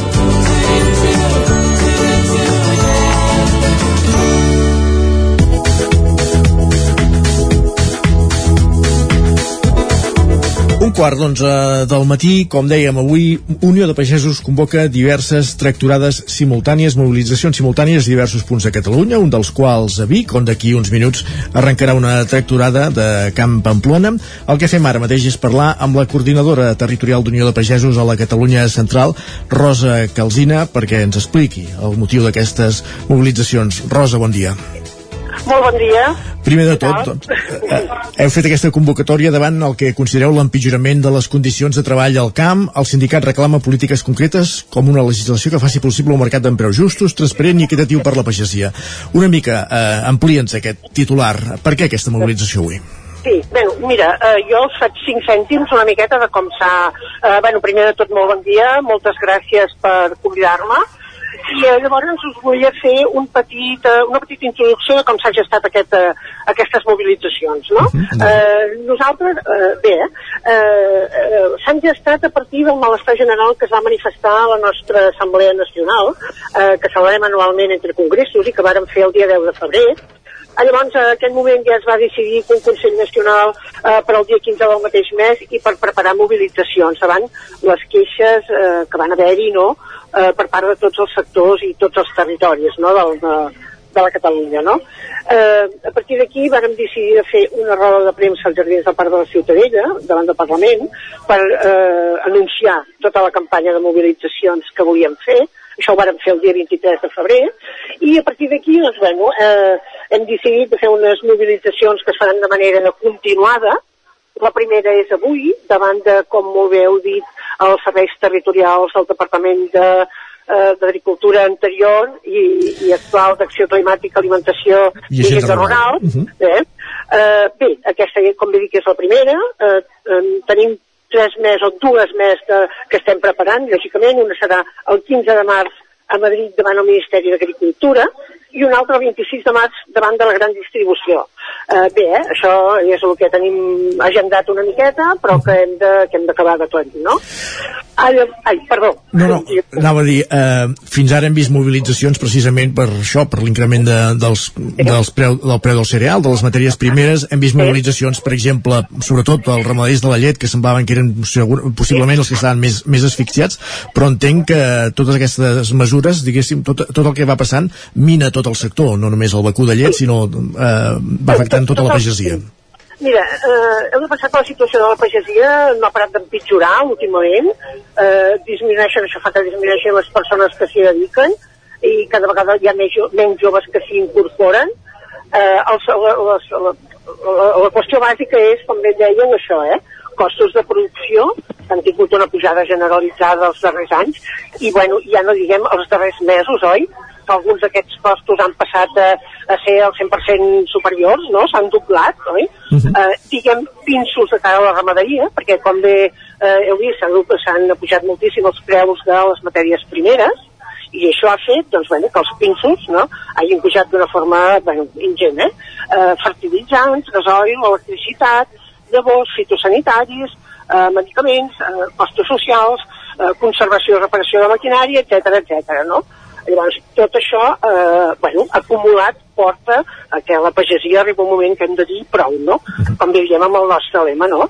Perquè és que si no ens, ens, ens arruïnarem, no? I com bé deies al principi, eh, doncs davant, sort que aquí eh, crec que us ha pogut una miqueta, no? Perquè a més a més, si no, doncs aquesta temporada es preveu, sobretot pel cereal, molt i molt dolenta.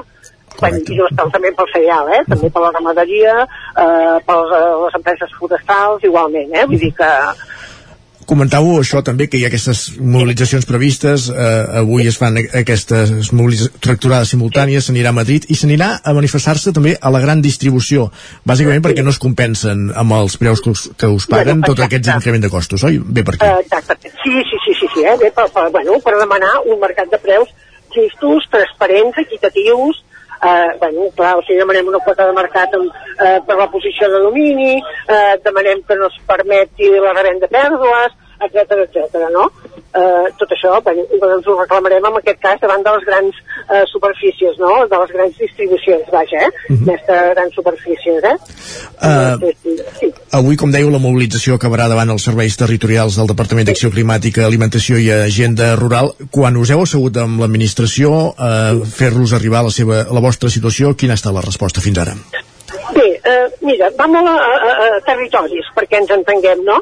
Però rarament, bueno, desgraciadament, però malauradament, tenim bones paraules, però mai arribem a bons resultats. No sé, com, no sé si m'explico, eh? Perfectament, sí. Eh, sembla que hi ha molt bona intenció, jo no dic, però no sé a què és degut, la veritat, no, no, no, no ho sabem, però mai arribem a bon port, no? O sigui, se'ns imposen una colla de mesures que suposen unes inversions eh, importantíssimes per la ramaderia sobretot, eh, bueno, al cap de 4 anys això es canvia perquè es veu que no ha funcionat, o sigui, eh, tenim una mica la sensació que tot això va una miqueta a la deriva, no? Uh -huh. eh, avui hem de fer això, d'aquí 4 anys no, això no ha anat bé, ara ho hem de canviar, però clar, ho hem de canviar vol dir una inversió pel ramader, eh? o una, una inversió per l'agricultor. Eh, o sigui, no sé si m'explico, no sé Sí, sí. si ho... Queda entès. Uh, abans parlaven de l'increment de les matèries primeres, sobretot de l'increment del cereal, que això ara es veu agreujat amb la crisi entre, eh, amb la guerra o amb la invasió d'Ucraïna per part de Rússia, tenint en compte que Ucraïna és considerat el, el graner d'Europa, eh, sobretot pel blat de moro, el blat també ve de Rússia, eh, hi ha temor no?, que aquests increments de matèries primeres eh, encara siguin majoritaris en els propers dies? Sí, sí, sí. Bueno, heu de pensar que el dia que va començar la guerra, per dir-ho així, no? malauradament, el blat va pujar un 40, 40 euros tonelada, la soja 30 euros tonelada, eh, fins i tot en aquell moment eh, el gasoil es va quedar tontollant, no? Eh, es va quedar tontollant preus, eh? Va, hi va haver moments que demanàvem gasoil i ens deien que no hi havia preu. I, clar, això és molt greu, no? Perquè s'ha de demanar 4.000 litres de gasoil i no et donen preu pel gasoil, dius, ep, com va això, no? Ara això sembla que el gasoil s'ha tornat a, a situar, però bueno, el cereal sí, eh? és que el cereal està pujant contínuament, eh? Contínuament. I a més hi ha el fet aquest que aquí no plou, per tant hi ha sequera i no es pot comptar Clar. massa amb el cereal local, diguéssim. Eh? Clar, clar. No, no, no, massa de moment, eh, bueno, és, és realment esfereïdora, eh, la situació en aquest moment, o sigui, si no plou, penseu que aquí eh, a Osona heu tingut la sort que ha plogut, eh? tinc entès que vespre va ploure, eh? El Bages, per exemple, que és d'on jo provinc, no ha caigut ni una gota, però ni una gota vol dir ni una gota, eh? Sí, sí. No, no. Per tant, bueno, els camps fan pena, eh? Sembla que no estan sembrats, eh? I, hi ha zones on el camp sembla que no està sembrat, perquè per falta d'aigua. per Eh, falta d'aigua, eh? Sí, sí, sí. en situacions com aquesta, notícies com la que donàvem fa tres setmanes, aquest acord entre una part del, de la ramaderia usonenca, en, el, en aquest cas amb el vacú de llet, eh, els, els representats per les cooperatives Plana de Vic i Vaquers d'Osona, amb, amb bon preu per fer aquesta llet a, a preu just que es distribueix, és una petita taca d'oli. Eh, obre algun bri d'esperança des del punt de vista del sector primari? Sí, la veritat és que l'obra, l'obra, molt petita, molt petit. Jo, en en aquest cas en concret, ho sento, eh? sento haver-vos de dir que no és el tema que més conec, Uh -huh. i que sí que obre una petita escletxa, no? Eh, però bueno, eh? és molt complicat, eh? Però vull dir que es pot prendre com a model, diguéssim, per, per anar estenent aquesta taca d'oli en, en altres àmbits? Jo, jo crec que sí, jo crec que sí, eh? jo crec que es podria, sí, la veritat és que sí, que ser que ho sento, eh? no poder-te donar ni ampliar més aquesta, aquesta informació, cap eh? problema.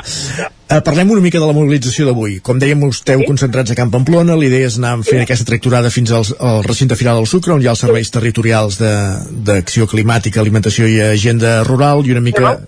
Quan, qui, quina previsió de tractors eh, teniu prevista i com ha de funcionar la mobilització? Mira, això fa una miqueta... La veritat és que mm, tenim també una situació una miqueta especial. La gent està tan cremada, no? Eh, a veure, de moment en tenim cinc de tractors, eh? En aquest moment, eh? eh, fer una previsió és difícil, perquè la gent està molt enfadada, però també li costa molt de moure's, no?, per altra banda.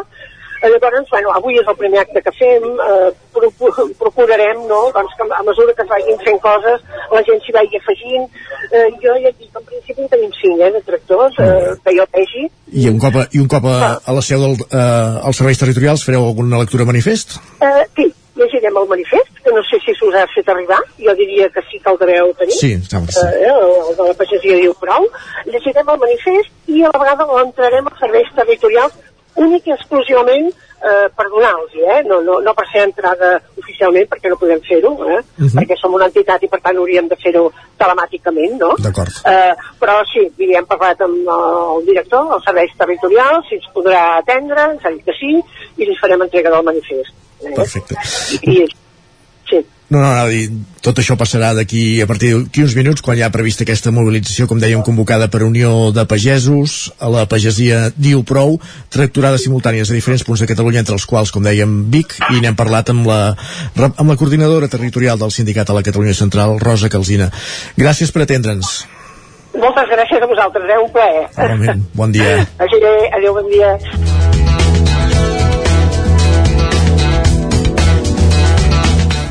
Doncs vinga, estarem al cas de quan comenci aquesta tracturada, d'aquí a ben poc, i evidentment seguirem la reivindicació de la pagesia. Ara seguim a Territori 17 i el que farem de seguida és saludar en Guillem Sánchez, que ja el tenim voltant per aquí a la vora, amb qui repassarem unes quantes piulades, tot seguit anirem a la taula de redacció i després també ens tocarà anar cap a la plaça, l'espai d'economia digital que cada dijous ens arriba amb la Maria López des de Ràdio Televisió de Cardedeu. A les 11 en punt actualitzarem butlletí informatiu.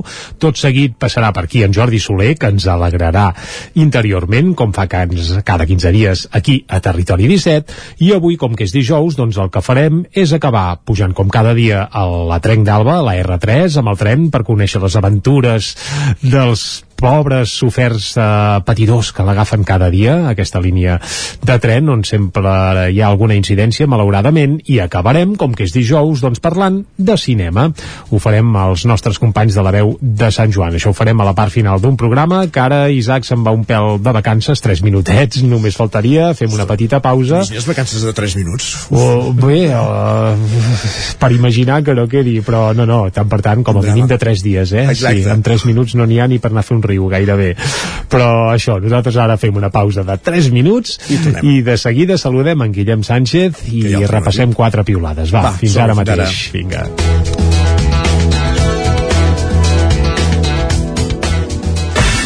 El nou FM, la ràdio de casa, al 92.8.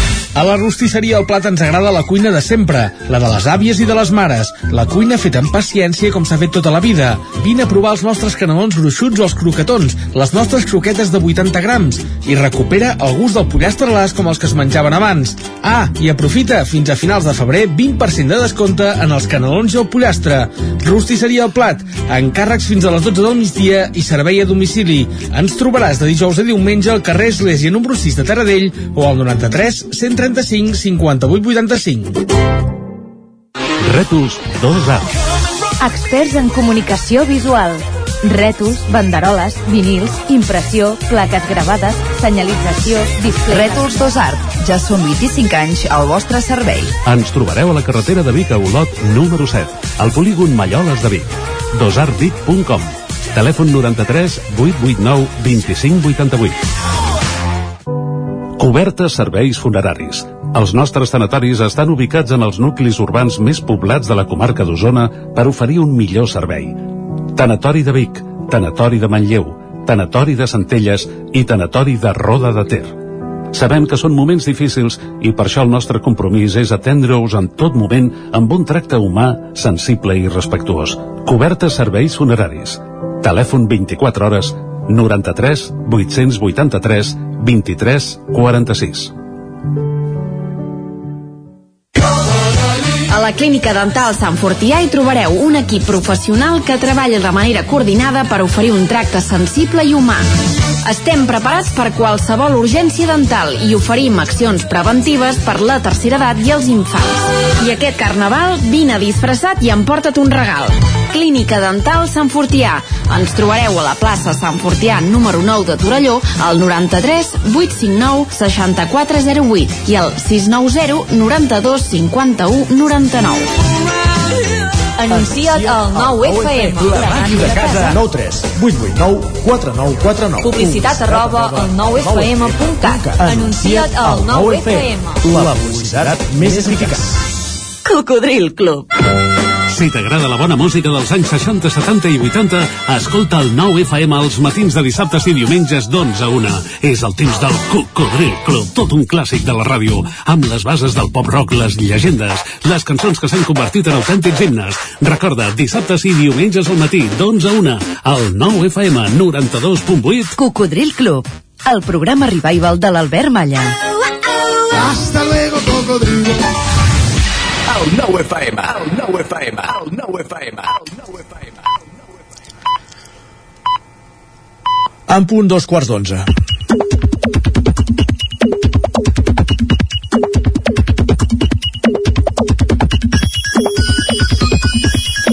I dos quarts d'onze és sinònim de...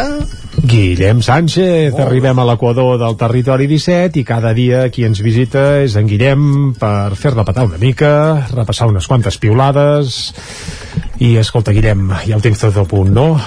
Jo no, eh? M'emmascaro, va. ho tenim a punt, ho tenim a punt, Jordi Isaac. I per on ho arrenquem avui, va? Doncs va, ho arrenquem, ho, ar ho arrenquem per algunes reflexions dels nens i nenes que, com diuen, allò que els infants i els borratxos són els que no menteixen mai, doncs eh, ens hem d'aprofitar d'aquesta situació. Bé, els infants, si són menuts, és cert que els borratxos podríem posar-ho en... En qüestió. qüestió, però va, vinga, Si més no, no filtren, això és cert. Sí. Correcte. La Montserrat ens diu l'Institut dels Nens vol canviar el nom, demanen propostes als alumnes, les premisses que la persona estigui morta i que aporti valors. El meu, el meu fill petit diu Institut Diego Armando Maradona. Me'l menjo. Aviam, uh, de quin institut estem parlant, per exemple? Això ho sabem o no? No, no ho sabem, però ho podem investigar. Val, no, perquè també està bé que hi hagi un mínim arrelament del personatge en cas que s'hagi de batejar amb el nom d'algú amb el territori. Maradona als anys 83. Territori 17, eh, no sé si va trepitjar gaire... No, però va estar arrelat a Catalunya el 83. Ah, sí, a Catalunya sí, per això, per això, aviam, depèn... Ja tenim depèn... excusa, doncs. Ah, Ja sí? tenim Això ja cola com a excusa? Val, val, doncs perfecte. Doncs va, dels més petits cap als més grans de la casa, l'Albert ens comparteix una conversa que ha tingut. Diu, més maco que el meu pare que avui m'ha dit que, ojo, que en res ja en tindré 60. Vinga, tercera edat, is coming amb alegria. I comprovant l'edat de l'Albert al Twitter, o si més no la que té pública allà, es veu que l'Albert en té 33.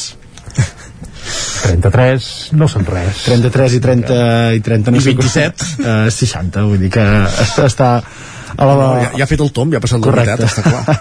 Qui en té un de menys però està enamorada de la seva àvia és la Berta, així ens ha compartit a través de les xarxes socials. Ens diu, tinc 32 anys i la sort de tenir encara una iaia que em prepara el berenar quan he de marxar a Madrid per feina en tren. L'adoro. Que bonic. Veus? El que no sabem és que li ha fet per berenar. No ens ha compartit cap fotografia ni ens ha eh, escrit cap Però missatge. segur que era bo, perquè amb aquest missatge no li ha pas posat... Eh, vaja, anava a dir un croissant d'aquests embolicats en paper de plàstic de supermercat, eh? Segur que, que el berenar era per llepar-se'n els dits. Va, i canviant de tema, no sé si us heu fixat mai que hi ha gent que sembla que vagi adormida tot el dia. Jo. La, la, na... la Nane ens escriu són tres quarts de tres de la tarda i tinc la mateixa son que a les 7 del matí. Home, és que si ha dinat bé i ha fet un bon àpat i l'ha regat també com toca, a aquella hora ben dinat i més si fa una mica de solet, és que et ve una nyonya, Correcte. una mandra, que és terrible, eh? La millor manera és no, no escarxofar-se al sofà perquè També. després la cosa s'accentua. Alguns usuaris alguns usuaris li han respost, diu, jo és que sóc de tensió baixa i el metge em va dir que era normal i m'agrada justificar així que sempre tinc son. I aquí ja no, ja no m'hi fico si és veritat o no, això. La qüestió és tenir una justificació. Clar, sí, i tant, correcte. Doncs ja, ja la té, ella. I vinculat amb la son, espero que això que ens escriuen no us hagi passat mai. Ens diuen, avui he tingut l'experiència més traumàtica. M'han trucat mentre feia la migdiada. Llavors què feu? Mira, n'hi ha alguns que fa tant que no fem migdiada que clar, no podem gaudir, ja dic gaudir d'aquest trauma, més que res perquè no fem migdiada, però eh, ja em faria cada Com dia. que tinc el eh? telèfon en silenci, Ah, guaita, mala que- sort. Ja tornaran a trucar, no? O sigui, cal, llavors ja tornarà a trucar quan la vegi, sí. Va, i aquesta setmana també ens compartien per xarxes aquesta reflexió des de l'usuari Golcat. Ens diuen, només és una opinió personal, però creiem que les bufandes és una de les apostes dels clubs que més patxó que fa als camps de futbol. En veiem poques i diríem que és perquè no s'aposta per aquest complement de merchandising. I es veu que adjunten una fotografia amb la nova bufanda creada des de la Unió Esportiva Tona i en aquest sentit eh, han respost als Espatacats 1973, que és el grup d'animació del GURB. Ah. I ens diuen, a la comarca d'Osona, quan juga a la Unió Esportiva GURB, se'n veuen moltes. I sí, totalment d'acord, les bufandes són essencials per posar color i caliu a les grades dels camps del futbol Bé, modest. I deixa'm dir que aquesta època de l'any també per abrigar-se. Per abrigar-se, perquè, també. clar, anar a un camp de futbol al gener, al febrer o al març a Osona sovint és sinònim de passar fred. I Per mirar la tant, butxaca més barates que les samarretes. també, Segurament, segur. segurament. A més a més. Va, i a veure si esteu d'acord com jo amb aquestes paraules que ens escriu la Carlota per xarxes, que ens diu la gent Què que diu? sempre porta clínex o mocadors de paper i aigua són gent que s'ha de conservar ben a, ben a prop. Sempre hi ha, no?, aquell amic o aquella persona de la colla que dius, ostres, no tens pas un mocador, no tens pas una, una mica d'aigua, sempre hi és aquella, aquella persona. Doncs va, jo porto clínex aquí i una mica d'aigua, si en voleu. Sempre hi ha. Molt bé. La resposta d'en Jan, un amic seu, no, no s'ha fet esperar i li diu ara entenc per què vens amb mi a la universitat per poder veure galet de la meva cantimplora mm. i la Maria ho complementa així, diu present, afegeixi també un analgèsic, normalment un ibuprofè i actualment una mascareta de recanvi i així ja tindríem la llista sencera de, de coses que s'han de portar a sobre Oh, carai, gairebé cal anar amb un carretó eh, per anar pel món perquè tan carregats, però vaja, què més? Va, Va, per acabar, si estem repassant piulades de Twitter, algun cop també hem de parlar del mateix Twitter i de la mateixa xarxa. La Mariona ens explica la seva rutina, ens diu no us passa que esteu escrivint un tuit i dius potser no cal i ho borreu? Sí. I així tot el dia. Tot el dia no, però de tant en tant sí. a l'Isaac sí que li passa. Comptes fins a 10, dic, va, esborra. Jo, la manera de reprimir-me és no piular mai. correcte. Ja, ras i curt. Doncs va, demà seguirem fent el xafarder per, per xarxes i us acostarem més, més piulades, si més no que estiguin escrites. Sí, això sí. Perquè si no, no... Si no, malament rai. Guillem, doncs moltes gràcies. Va. I ara mateix fem un cop d'ull al que està escrit al 99.cat. Uh, comencem per l'edició d'Osona i el Ripollès, que obre explicant que l'oferta de places en residències per a universitaris a Vic és tres vegades inferior a la demanda. Això s'apunta a la portada del 99.cat. També tanca l'escola El Roser de Sant Julià de Vilatorta, una notícia del qual ja ens hem fet ressò aquí a Territori 17, i el Servei Català de Trànsit demana rebaixar l'accidentalitat al Ripollès. Uh, bé, ho demana el Servei Català de Trànsit i ho demanem tots perquè ni que hi hagués només un accident, evidentment tant al Ripollès com a tot arreu ja seria massa. Anem cap a l'edició del Vallès Oriental, ara mateix obra explicant que Granollers habilita un punt d'atenció per atendre les persones que fugen d'Ucraïna. Aquest és el titular principal. També apareix que un operari mor en un accident laboral en una pedrera a Sant Celoni i també que joves de Vilamajor participen en un concurs de l'Agència Espacial Europea. I surt la fotografia i estan aquí molt trempats i molt eixerits i bé, a punt, a punt per anar cap a, cap a això, cap a aquest concurs. Doncs molt bé, us anirem seguint. Gràcies. Jordi. Anem cap a la taula de redacció. Anem-hi.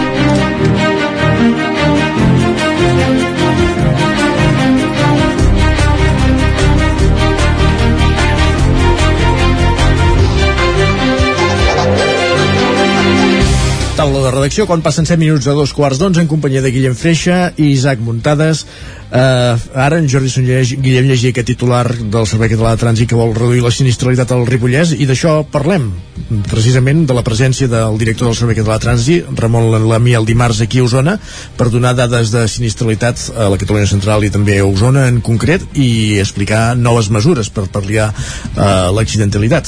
Sí, eh, efectivament, eh, des del Servei Català de, de Trànsit el que s'està fent aquestes eh, setmanes, ja amb les dades eh, recollides, analitzades i tancades del 2021, és eh, una ronda per les diverses eh, vegueries i, i territoris eh, catalans. Fa unes setmanes es va fer el, el Ripollès, on s'apuntava aquesta idea de reduir eh, l'accidentalitat. El Ripollès el 2021 sí que no va tenir cap accident mortal, però sí que es van detectar un increment, un repunt de, de sinistres, de- d'accidents amb, amb ferits de diversa tipologia, i aquesta última setmana va ser el torn de fer repàs a la vegueria de la Catalunya central, on s'inclou la comarca d'Osona, i es va fer des de Vic. Ramon Lamiel, el director del Servei Català de, de Trànsit, Camp de Banolenc, de, de Camp de Bànol, eh, és Ramon eh, Lamiel, que va ser present a la capital d'Osona per desgranar aquestes xifres. I el balanç, si ens fixem la mirada en la Catalunya central, eh, deia que eh, les dades doncs, mostraven una, una evolució positiva respecte al 2010 pel que fa al conjunt de la vegueria de la Catalunya central, perquè el 2010 fa eh, doncs, una dècada van ser 29 els accidents mortals que s'hi van registrar i aquest 2021 eh, la xifra va ser de 11 la disminució també és present si es fa la comparativa amb l'últim any normal pel que fa a mobilitat i el que s'agafa de, de referència des del Servei Català de Trànsit, que és l'any 2019, perquè el 20 ja va estar marcat per la pandèmia, per les restriccions de mobilitat, per als confinaments eh, comarcals. Um, el 2019 n'hi van haver 14 a la Catalunya central i aquest 2021, com dèiem, aquests 11 accidents mortals. Des de Vic, la Miel sí que va posar l'accent en Osona, que cal posar molta atenció en millorar la seguretat de les carreteres i també l'actitud al volant de les persones perquè a la comarca d'Osona sí que hi ha hagut uh, un increment de, de mortalitat o si més no s'ha estabilitzat que això ja és una molt mala notícia. Evidentment només que hi hagi una víctima mortal és una gran mala notícia però a Osona s'ha estabilitzat aquesta xifra d'accidents mortals i és que el 2021 van ser un total de 7 per tant 7 dels 11 accidents mortals que hi van haver a la Catalunya central es van registrar a la comarca d'Osona és el que dius, són registres eh, est estabilitzats, és la, uh Mhm. -huh. la mala notícia, però clar, res a veure amb aquelles xifres de principis de segle que quan l'eix No. transversal no estava desdoblat, per entendre's, estava sí, sí. amb registres de 30 víctimes l'any Sí, sí, és que en, eh, és així, eh? eh de, de fet, en la presentació d'aquestes dades ja es va també apuntar eh, l'informe Eurorap que es va presentar a finals del, del 2021, que sí que és un informe que eh, el que fa és comparar accidentalitat i eh, carreteres, eh, detectar la situació de les carreteres i va evolucionant sobretot en funció de les millores que s'hi fan a les carreteres. Per tant, evidencia que una bona infraestructura viària doncs, també té incidència en, en rebaixar la xifra de- d'accidents mortals i el cas més evident és l'eix eh, transversal i eh, en aquesta presentació que va fer el Servei Català de Trànsit a Vic també es va apuntar que el 2021 hi han hagut dos accidents mortals a la C37, l'eix de Barcons que connecta la comarca d'Osona i la Garrotxa. Dos accidents mortals eh, de tipus similar eh? xoc frontal, recordem l'eix de Barcons una via ràpida que permet doncs, eh, posar una, una velocitat força elevada però que no té separació per carrils. No és com la C-17 o com l'eix transversal que sí que hi ha un, una línia de formigó al mig, al mig que, que separa els dos carrils de, de circulació. No és així, eh, es poden produir aquests xocs frontals i de fet és com s'han produït els dos accidents mortals que hi han hagut. I aquesta va ser una de les eh, propostes que fa el Servei Català de Trànsit per millorar eh, aquesta accidentalitat, els sinistres a la comarca d'Osona i és eh, posar una separació entre els carrils, els que ell, el que ells diuen eh, carrils 2 més 1, això vol dir els carrils separats per una mitjana de, de formigó Mhm. o per eh, pilones de, de plàstic, posar algun tipus de, de separació i en trams concrets doncs aplicar aquest carril de 2 més 1 que el que permet És és fer. Adelantaments amb seguretat. En una banda eh, hi han dos carrils, en l'altra una, separats també per aquesta mitjana i es poden fer els avançaments. I per tant aquesta mitjana seria només en aquest tram on hi ha els dos més 1, diguéssim, no tot, no tot el tram... No, seria tot el tram Tot el i cada cert eh, temps, per exemple, en trams de pujada, fer amb una banda un carril i a l'altra banda dos carrils perquè es puguin adelantar els vehicles pesats. No, no, en, eh, alguns, en alguns punts concrets ja hi són aquests dos carrils més un, diguéssim, Sí. el que no hi ha és la, la barrera de la separació, exacte, o sigui, la clau seria posar la, la separació a l'estil, ells posaven de referència a la C55 a Manresa, Mhm. una carretera que també registrava molts xocs eh, frontals, es va posar aquest, eh, aquesta separació i eh, ha caigut la, la sinistralitat en aquesta via. La Miel llançava aquesta proposta, que la proposta del Servei Català de Trànsit és eh, fer eh, aquesta separació i que això queda pendent ara de l'avaluació que faci territori, que és el responsable últim de la infraestructura viària d'aquesta eh, carretera, carretera i de programar les inversions i les eh, actuacions. També es va comentar que eh, s'està eh, potenciant l'aplicació de radars mòbils en determinades eh, carreteres d'aquesta Catalunya central. Es parlava, per exemple, de la C62, eh, l'eix del Lluçanès, Correcte, sí. on també fa un parell de setmanes hi va haver un accident Mortal. eh, mortal els radars mòbils s'aplicaven ja abans d'aquest eh, accident, un accident que va tenir diversos condicionants, diverses situacions, com per exemple que un dels implicats va donar positiu en el control d'alcoholèmia, per tant hi havia aquesta variable, eh, i, i deien això, eh, que eh, s'augmentarà la, la vigilància amb radars mòbils i que també es crearà una unitat dels Mossos, que seran Mossos sentinella, que voltaran per les carreteres amb motocicletes, sobretot per controlar això, també el comportament dels motoristes, que són un col·lectiu de risc que preocupa en el Servei Català de, de Trànsit. I ràpidament l'última acció era activar ja el radar de tram eh, al congost, Sí, eh? un radar de, de tram que està a l'espera que es pugui posar en funcionament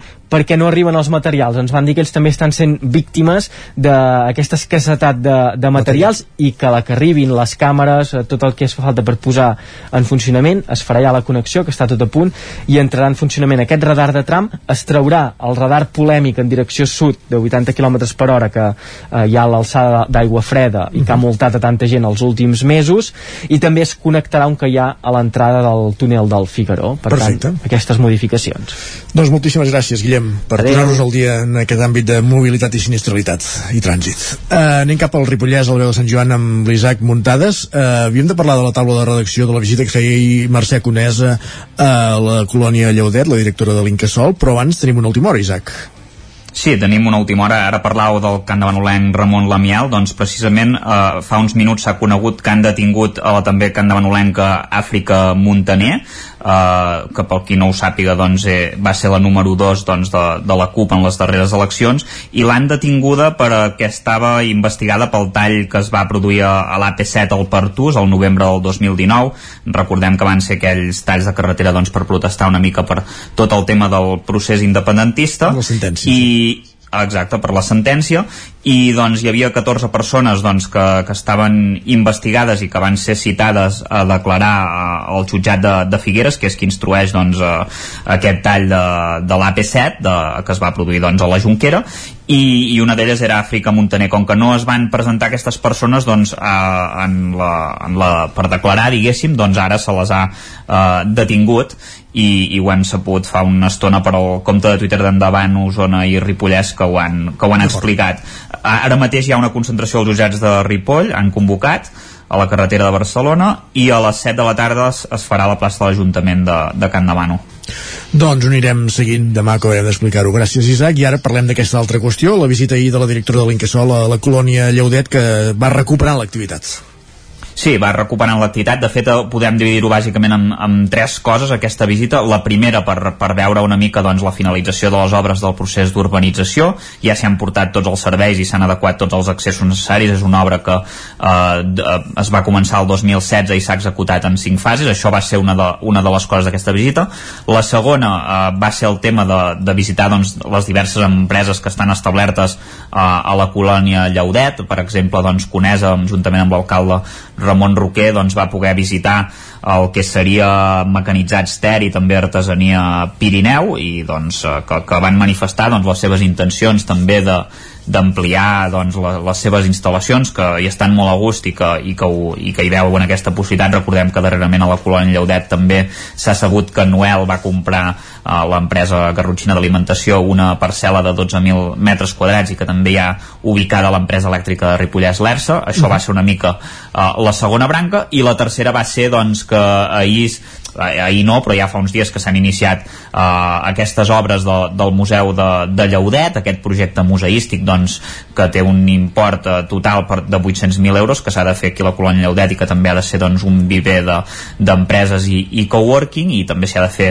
un aparcament eh, dissuasiu, doncs ja han començat eh, aquestes eh, actuacions, aquestes obres a, a la zona de la, de la nau vella de, de la colònia Lleudet i que, eh, segons va explicar Conesa, en principi d'aquí 18 mesos haurien d'estar de, acabades, un any i mig, veurem si no, si no s'endarrereixen, ja sabem que totes les obres sempre van amb una mica d'endarreriment, però eh, pel que sembla, de moment van a bon ritme i, i la part on s'ubicaria el museu comença a estar, ja s'han retirat bastant eh, tot, tot el que seria les, les deixalles, tot, tota la runa i, i, i va, va a bon ritme. Perfecte, sempre hi ha aquest marge eh, amb les obres de... Sí, la pluja. La pluja, exacte, sí. Les matèries primeres. Gràcies, Isaac. Bon dia. A vosaltres. Fins ara. Continuem al Territori 17. Acabem la taula de redacció. Serà moment d'entrar a la plaça.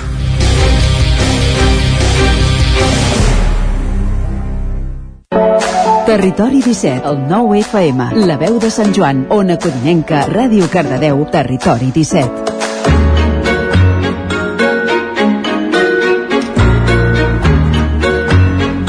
Doncs anem cap als estudis de Ràdio Televisió Cardeu, allà ens espera la Maria López i en companyia de la gent d'11.cat. Maria, bon dia. Molt bon dia, Isaac, com estem? Avui m'ha posat un titular que diu que parlarem de la generació Generació Z. ja ens acabaràs Ah, d'explicar exactament, exactament, ja, això ja és un spoiler en tota regla, ah, el tema d'avui.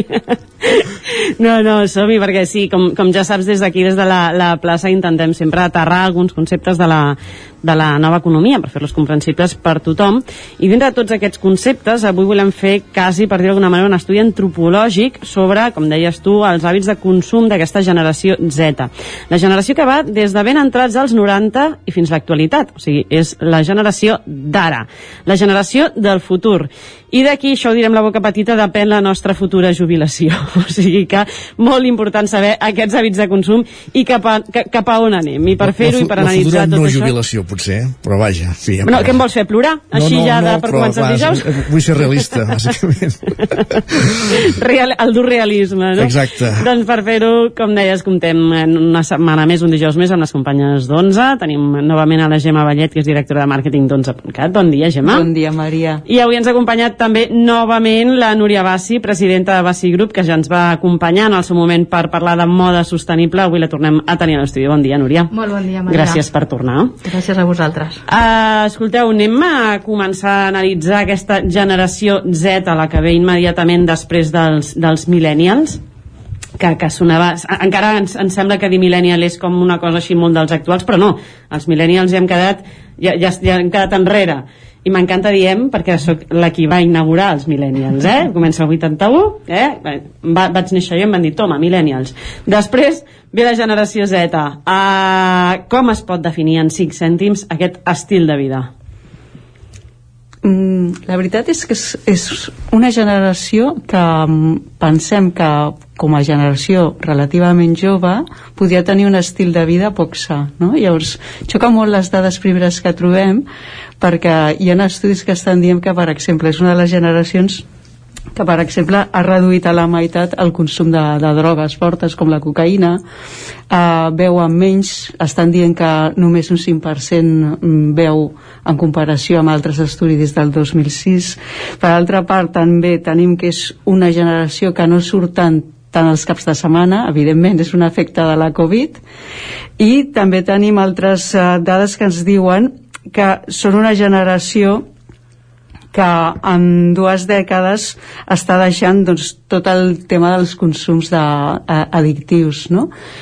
llavors ens trobem amb una generació molt sana que també es, es percebeix a si mateixa com una generació més feliç que és capaç de viure amb menys coses mm? llavors és la part més sorprenent però això també té una característica que són molt singulars tenen una personalitat molt forta o sigui, saben el que volen, són molt activistes i aquí doncs, la, la Núria aquest matí doncs, m'apuntava alguns temes molt interessants no? Bueno, aspectes perquè també al final tots estem rodejats d'aquesta generació i els, i els vivim contínuament, no? I per exemple, una de les coses primeres és que són natius digitals, ells mm -hmm. sí que són natius digitals i a més viuen dintre de les plataformes digitals, d'aquí no surten o sigui, no, no, no, no consumeixen altres tipus de, de, de, de llocs on aprendre o, o on conèixer coses no? després un altre punt que per mi també és molt important és que han desconstruït les normes binàries de gènere, això ho tenen com, com, com molt assumit i saben molt bé com tractar cada persona i com, i com s'ha de fer i et corregeixen contínuament uh -huh. a, a mi em passa perquè estic rodejada de bastanta gent d'aquesta generació no? i després per mi també és important que som molt conscients de eh, que vivim en una economia globalitzada perquè ells ja han, nas han nascut en aquí llavors saben com, com, com està la situació i un altre punt també és que han crescut amb temps d'incertesa han, han viscut encara en temps que hi havia, terror, que hi havia terrorisme, terrorisme crisis econòmiques, crisis socials la pandèmia etc. Llavors tot això els fa que, que, que, que estan més habituats. Altres que, que, que, que procedeixen de temps anteriors doncs no havien viscut totes aquestes coses i ells han nascut amb aquesta, amb aquesta dinàmica, no? Aquesta incertesa global, quasi, Exacte, no? sí, però que estan acostumats a gestionar-la. O sigui, és que clar, al final quan un, un viu amb tot això aprèn a, a, a sortir-ne d'aquí, no? Són pragmàtics, són més realistes i també eh, són molt creatius eh, inclús autodidactes i molts treballen, i això és el que tenen molt clar que treballen amb el que els apassiona enca, encara que això els, en aquell primer moment no els hi pugui donar tants ingressos i eh, això fa que també molts siguin emprenedors perquè busquen alguna manera de, de, fer, de fer alguna activitat que, que realment els, els agradi no? i eh, també una de les, bueno, això és menys important jo veig que utilitzen més àudios que missatges escrits, més missatges de veu, sí, i després són super impacients, això sí, impacients, i, i tot ha de ser immediat, perquè també hem viscut aquesta Clar, cultura. el és una societat on, on eh, ara mateix tot el que vols ho tens ja, no? Des, de, des dels de, continguts a la carta. Un Sí. exemple molt tonto, no? El- Allò de vull veure aquesta sèrie la vull veure ja i agafes i te la poses. Jo recordo de petit haver d'esperar una setmana pel següent capítol de... Ells, ells no ho fan, fins que no està tota no la veuen, no, no, no suporten veure cada setmana un capítol, no? I el mateix, eh, eh, bueno, eh, veig que són en, aqu- en aquest sentit molt, molt, molt, bueno, molt ràpid i multita multitasca. També són capaços de fer moltes coses a la mateixa vegada, per exemple.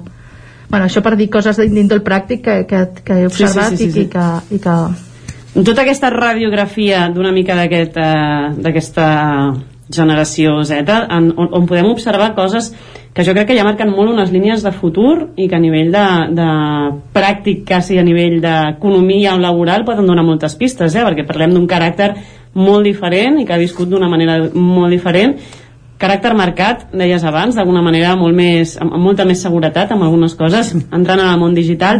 Hem deixat anar mm, diverses pistes i si bé el seu futur actual potser no és precisament feliç perquè ens trobem davant d'una realitat, un eh, atur quasi endèmic en el nostre país, molt elevat, dels més elevats que hi ha hagut a Europa, eh, on estem parlant de xifres que superen més del 30%, què fem? Quines solucions es posen a sobre la taula per tota aquesta generació que, que ja ha viscut quasi aquesta dificultat laboral quasi com, com una, una, una cosa in, in, incanviable, sembla, no? Bé, jo crec que aquí un, un, un punt important és el sistema educatiu, el sistema educatiu que tenim en el país.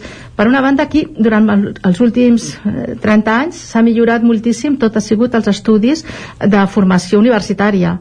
Però, en canvi, encara no tenim ben resolt, ni ben explicat, ni ben valorat tot el que són els cicles mitjans de, de formació, o sigui, la, el que en diem la, la FP, la formació Mhm. professional, quan és superimportant pel desenvolupament d'un país, perquè et permet especialitzar-te i fer professional amb una, amb una especialitat molt concreta, amb uns punts exactes i on les empreses tenen més necessitat. Una empresa, en principi, per, un, per una persona graduada, eh, llicenciada o graduada, doncs potser pot, pot portar 10-15 persones de formació professional, per tant hi ha moltes més sortides.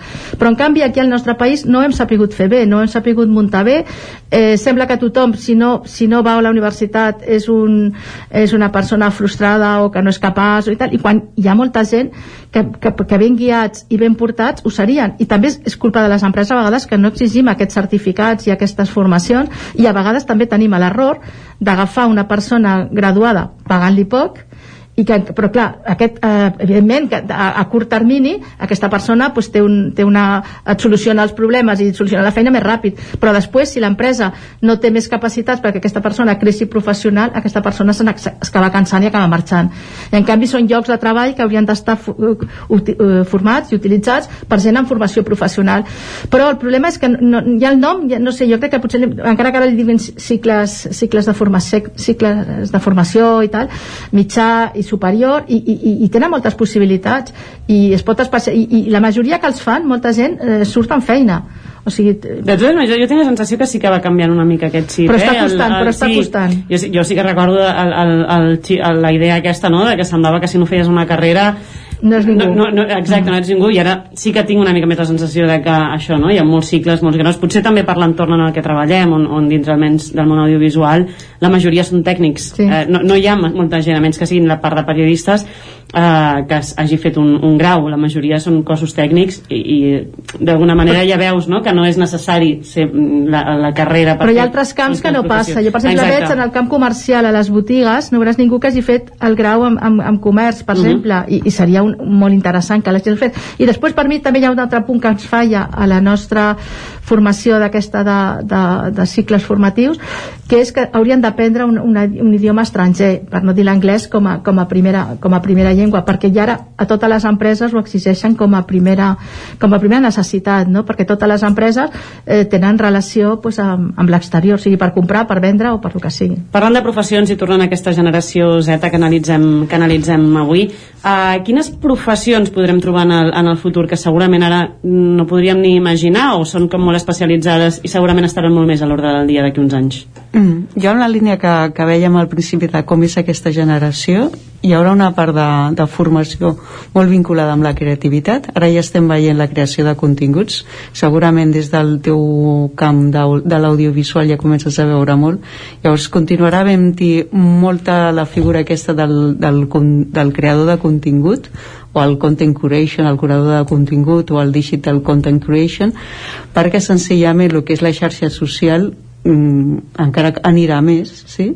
Llavors hi haurà una especialitat encara més forta perquè també trobarem emprenedors que ja els estem veient, els youtubers que, que dius, bueno, mm, dic, jo no necessito l'empresa per, per tenir una seguretat econòmica o per buscar-me una forma de guanyar la vida llavors tindrem aquesta part molt més creativa i que a més aquesta creativitat segurament uh, anirà increixent perquè per l'automatització i la digitalització de les companyies no? i ens trobarem amb persones que diran que tasques que normalment es feia una, una persona a nivell manual manual les estan assumint la, la part de, de, dels robots. Llavors tindrem també uh, gent que s'haurà d'especialitzar en robòtica hi haurà gent que s'haurà d'especialitzar en data perquè estem en l'època aquesta que estem fent un viatge cap a la, a la conviure amb l'artificial la intelligence i llavors això el que comporta darrere tenir tota la part de, de, del machine learning. Llavors aquesta transició que estem vivint ara el que necessiten són molts experts en data mm? hi ha més professions, hi haurà més professions que s'aniran aprofundint jo ara per exemple amb, Núria, ho faré menció a la teva al·lèrgia. A mesura que canvi el, cli el clima doncs també tindrem que fins ara no es donava molt de pes amb tota una sèrie de noves professions vinculades amb el canvi climàtic i ara agafen una rellevància molt espectacular. I ara trobem que, que si vols estudiar un màster bo de sostenibilitat doncs t'has d'anar a, a a Dinamarca i aquí encara no hi ha aquesta diguem-ne com tenim les grans escoles de negoci que són les millors del món. Aquí a Catalunya encara no tenim això. Llavors tindrem per una part un context empresarial i d'educació que haurà de sostenir aquestes macrotendències que, que existeixen perquè les noves generacions adoptin aquestes carreres que, que han d'ajudar a, la, a la societat que ens ve, que es ve molt marcada per la macrotendència del canvi climàtic, de la digitalització i un canvi ideològic que ara estem veient doncs, justament amb, amb, la, amb la guerra d'Ucrània, no? entre d'altres. Sí, sí, sí. No, i fent una mica aquest mapa laboral, per dir-ho d'alguna manera, eh, no sé si podríem marcar les línies d'on estarà segurament la classe benestant del futur. Jo recordo eh, eh, de ser petita que semblava que la idea de ser arquitecte o advocat, que amb això t'asseguraves tenir un pedazo de sou i tenir un, un, una cosa assegurada a nivell econòmic que després està clar que, que, que pot ser o no pot ser, no? Pot passar qualsevol cosa, pots haver fet la carrera de, de dret i després estar en un bufet però fent una cosa superpetita i que això no t'asseguri absolutament res, o et pot anar molt bé. Si haguéssim de fer aquest dibuix, què, què, què, què diríeu que, que marcaria les línies de les professions riques del futur, per si dir-ho? Ui, això és difícil, això és difícil de dir perquè jo crec que amb totes les professions, com tu molt bé deies, amb totes n'hi ha de gent que, pot, que fa molts diners i gent que, que no. Dependrà també moltes vegades de, de, de, de jo crec que, que els que poden fer més són la gent més emprenedora que pot crear una empresa d'un índole molt variat i que després ja les estem veient que gent molt jove està venent empreses per uns preus increïbles, que, que són supermilionaris amb una joventut molt, molt gran, no?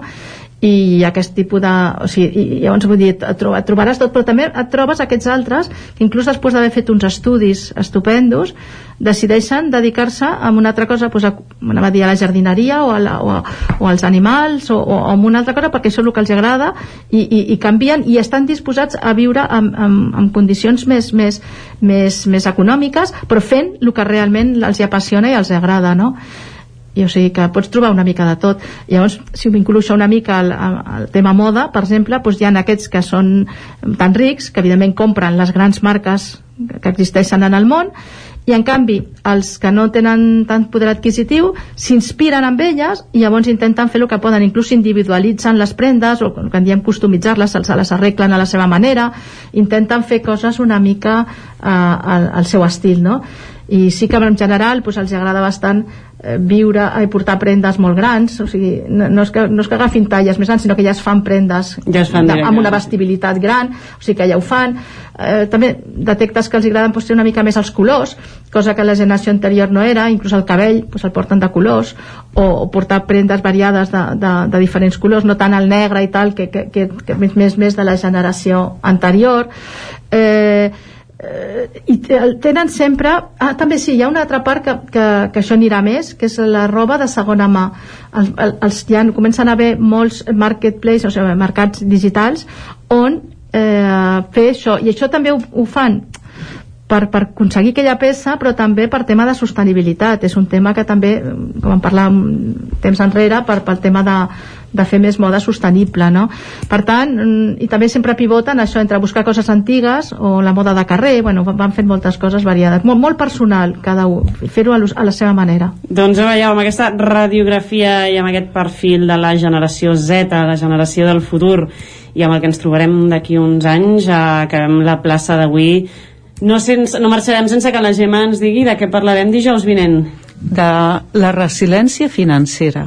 M'encanta quan em portes paraules així com, com què m'ha dit aquesta dona perquè ara que ara jo he de buscar a Google i em faràs que per arribar preparat una mica dijous vinent, doncs res, ja m'has deixat deures.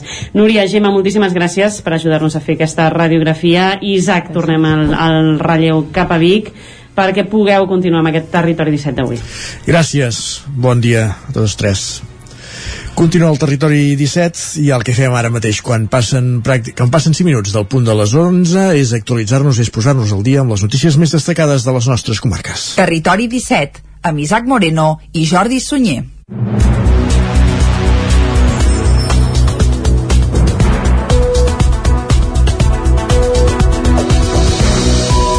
Per explicar-vos aquesta hora que Osona és la comarca de la Catalunya central on l'any 2021 hi va haver més víctimes mortals en accidents de trànsit en zona interurbana. Dels 10 que es van registrar a les comarques centrals, 6 van morir en vies osonenques. Són dades que el director del Servei Català de Trànsit, Ramon Lamiel, va presentar dimarts en un acte Vic, on també va lamentar les dades de sinistralitat que han marcat els dos primers mesos del 2022. En aquest sentit, va anunciar noves actuacions a la C-17 i també a l'Eix Bicolot. Catalunya va tancar el 2021 amb un total de 188 víctimes mortals a la carretera. D'aquestes 10 van morir a la xarxa viària interurbana de la Catalunya central, sis de les quals a Osona. Una comarca que el 2021 va sumar dues víctimes mortals més respecte al 2019. A l'altra cara de la moneda i de nou en comparació amb les dades del 2019, les comarques centrals van tancar el 2021 en, amb 5 sinistres mortals menys. Una dada que es redueix encara més, en un 70%, si la comparativa es fa respecte a l'any 2010, quan hi va haver 34 morts a les carreteres de la Catalunya Catalunya Central. Són dades del Servei Català de Trànsit i del Departament d'Interior que es van fer públiques aquest dimarts en una roda de premsa a la seu del Consell Comarcal d'Osona. La va presidir el director del Servei Català de Trànsit, Ramon Lamiel, que va anunciar que l'any 2022 no ha començat amb bon peu.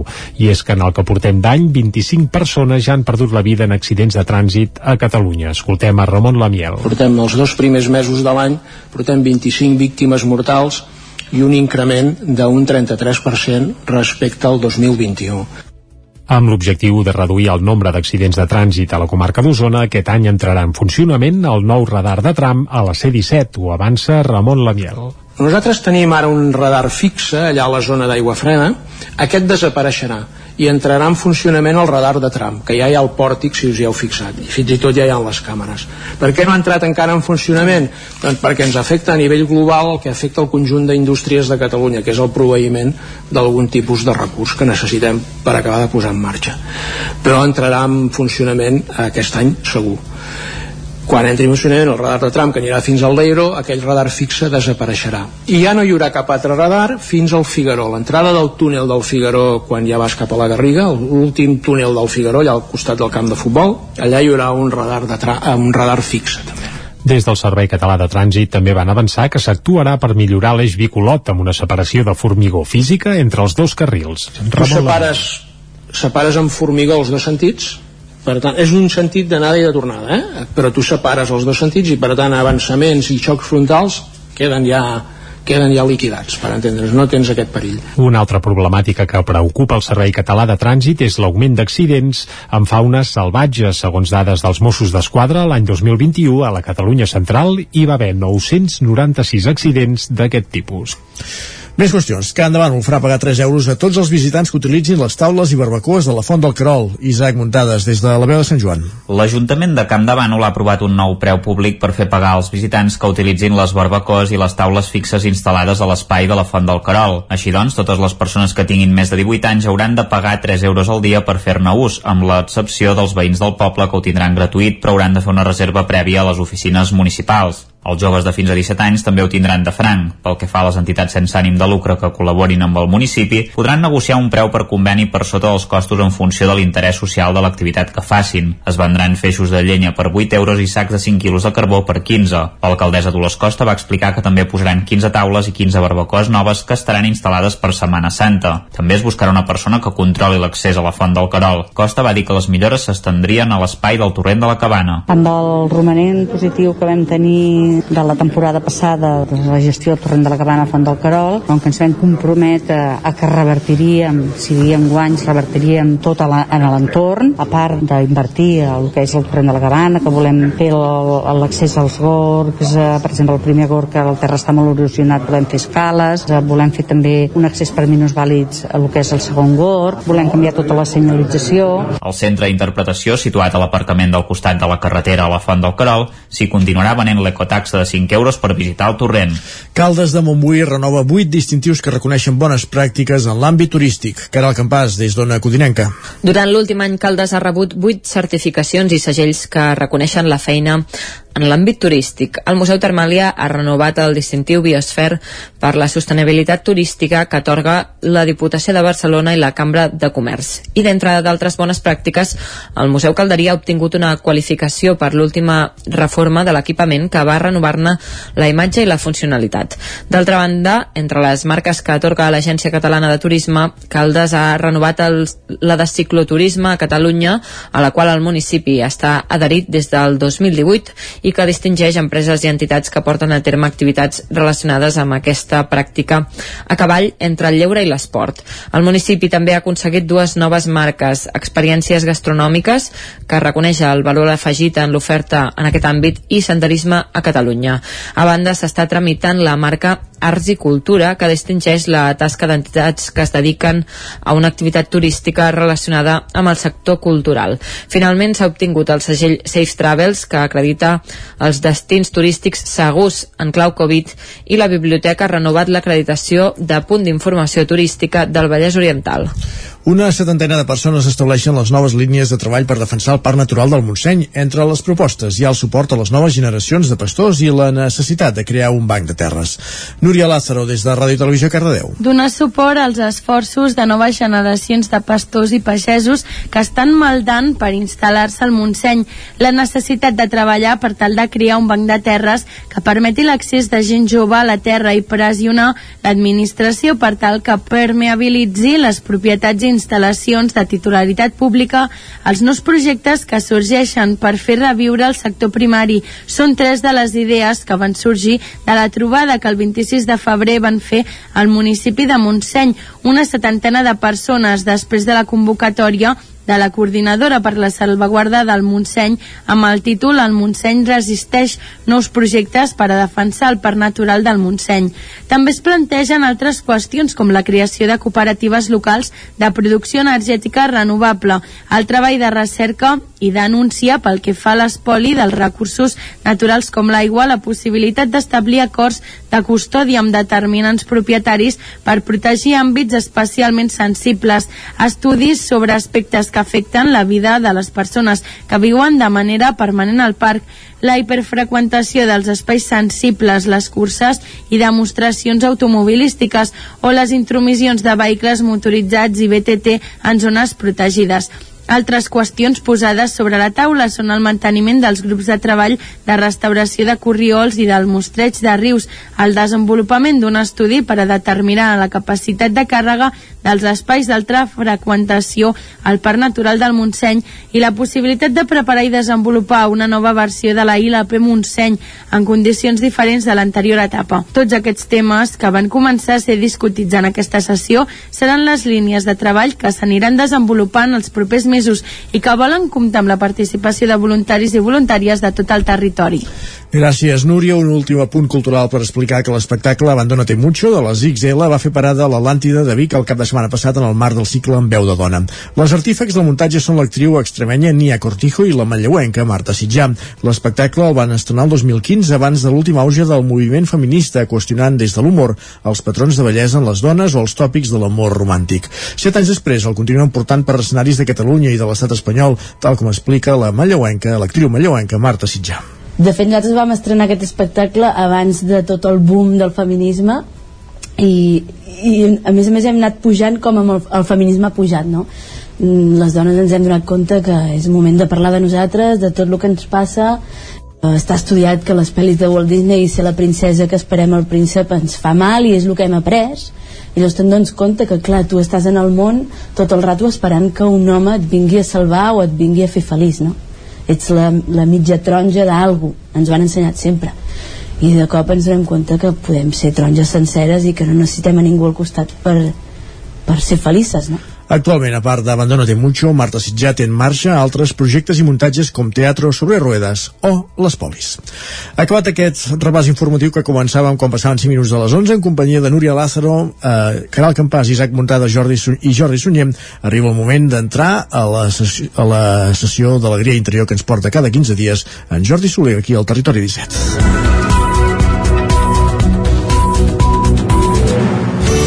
Territori 17 Envia'ns les teves notes de veu per WhatsApp al 646 079 023. 646 079 023. WhatsApp Territori 17.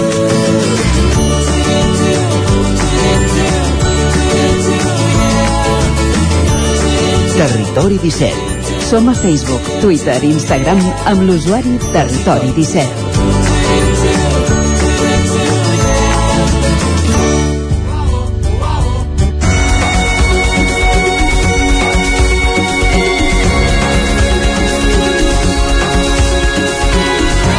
Passa un minut d'un quart de 12. Jordi Soler, bon dia. Molt bon dia. Uh, reprenem el fil d'aquestes sessions que anem fent cada setmana, cada 15 dies per anar-nos coneixent, per anar coneixent el nostre interior, l'alegria interior, amb aquestes sessions de PNL, per on passem avui? Bueno, per on passem? Com anem continuant, eh? com anem seguint aquest camí cap a l'inconscient, eh? que vam iniciar, i que intentem entendre'l i abordar-lo de diferents maneres, no? portant aspectes que ens ajudin una mica a endinsar-nos cap a aquesta part profunda nostra, eh? que ens acosta a la nostra essència, al nostre ésser. I l'aportació d'avui m'agradaria que fos a partir de una forma de veure de Robert Dills i la Judith de Losier que parlaven de les tres ments tres ments, tres ments, tres intel·ligències, tres formes d'entendre una mica com s'ha d'abordar la nostra realitat i la nostra part potser que no, no tan tangible, no tan visible. Eh? Ells parlen de la ment cognitiva, la ment racional, la ment que coneixem, la que utilitzem eh, pel nostre dia a dia. Parlen de la ment somàtica, i aquí ja ens endinsem una mica, eh? ja és connectar amb el cos.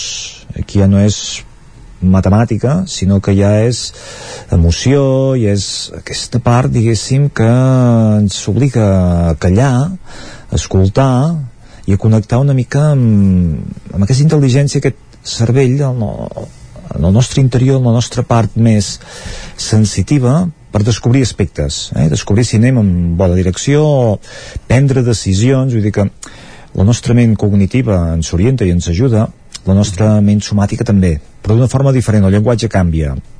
Després parlen d'una tercera ment, la ment camp, eh? més enllà de nosaltres. Clar, entendre la ment camp, entendre aquesta visió transpersonal, més enllà de nosaltres, eh, ens obliga a anar una mica també a parlar de les tres generacions de PNL. Eh? La primera generació de PNL, la que van encetar el Richard Bandler i el John Grinder, per allà dels anys 70 eh, se centrava molt en l'estructura del llenguatge eh, en la interacció d'aquesta estructura profunda del llenguatge amb la neurologia. Allò, intentaven parlar dels sistemes repre representacionals, de les submodalitats, dels accessos oculars, dels encoratges. Aquí eh, modelaven i estudiaven en aquesta etapa, eh, la primera generació de la, de la PNL, doncs eh, gent de referència del moment per intentar imitar els seus patrons. Per tant, estudiar molt l'estructura, intentar entendre, intentar reproduir. En la segona generació de la PNL, aquí ja es parlava una mica de les posicions perceptives, no? posar-se, o tenir aquesta mirada pròpia, aquesta mirada per part del nostre interlocutor, aquesta mirada per part de l'observador, i ja introduïem a la segona generació de PNL la mirada al camp, eh? una, una mirada des d'una part externa a nosaltres, no? En la tercera generació incorporem una mica aquesta visió de les tres ments. La tercera generació de la PNL és una versió generativa. Aquí és on se'ns diu desaprenem, comencem de zero i comencem a crear, tot s'hi val. Eh? Obrim-nos a tot. No és seguir un patró, no és simplement imitar, sinó que és crear, és generar, és anar més enllà del que hem après. I això ens obliga una mica a esborrar conceptes vells, no? esborrar memòries, esborrar ensenyaments, i ser molt heurístic, allò, ser molt obert en quant a que tot eh, es mereix una mica una mirada i un estudi i tenir-ho en compte. Clar, aquí sí que hi cap aquesta mirada, diguéssim, més enllà de la nostra neurologia, més enllà de la ment calculadora, cognitiva, estudiadora, eh, que ens ajuda molt, insisteixo, vull dir que és la que potser estem més vinculats en el nostre dia a dia, que tenim molt present sempre, però que també és l'impediment per accedir a aquesta altra part nostra, eh, més profunda, i aquí és allà on aquesta temporada encetem, o encetem no, vull dir, seguim amb el viatge cap al nostre inconscient, cap a conèixer-lo, uh -huh. i aquest aquest viatge o aquest inconscient ens obliga una mica a ser generatius eh? entrar en aquesta tercera generació de la PNL on eh, ens eh, centrem molt en la nostra identitat, en la nostra visió, en la nostra missió, en anar una mica més enllà del que, del que hem conegut fins aquí i a descobrir. Aquest descobrir és una part desconeguda, l'inconscient és una part desconeguda per nosaltres. Llavors, des de la ment cognitiva sabem que hi ha quelcom més, que no coneixem, que a vegades ens fa por, i el cos nostre, la ment somàtica, ens pot ajudar ens pot ajudar una mica, ens pot guiar, perquè això sí que ho percebem. La ment camp és una cosa externa a nosaltres que podem desconèixer. Pot haver-hi l'inquietud d'explorar, de, d'entendre. El Carl Jung ens parlava d'aquest inconscient col·lectiu. Aquest inconscient col·lectiu no deixa de ser una informació, una memòria, un, una consciència que compartim amb tot el nostre entorn i que per tant ens indica que d'alguna forma nosaltres influïm i som influenciats per aquest entorn el que estigui passant en certs països ara en conflicte d'alguna manera ens està afectant eh? potser poc però ens està afectant les nostres paraules d'alguna forma estan incidint també per tant, en, aquest, en aquesta part camp eh, podríem dir que resideixen, viatgen hi han eh, moltes dades, moltes coses que, que cal tenir en compte. Eh? El Carl Jung, l'inconscient col·lectiu, ens intenta enfocar cap a això. Tinguem en compte que hi ha quelcom més que el que nosaltres pensem, que el que nosaltres sentim, eh? que va més enllà de nosaltres. Doncs amb tot això, sent generatius, comencem pel primer pas, que és el nostre cos. Escoltem el nostre cos, la ment somàtica, aquesta intel·ligència eh, el sistema entèric no? que, o, o l'estómac eh, sentim si una situació eh, ens, ens porta allà on volem anar o no ens porta allà on volem anar quan sentim aspectes en el nostre cos, sensacions en un moment donat a vegades no és una qüestió orgànica eh? és una qüestió d'un llenguatge nou que si posem atenció una mica sabem quan hem de parar, quan hem d'accelerar una mica tot això és el que, bueno, el que ens ajuda a iniciar aquest camí, eh? la, la part del nostre cos.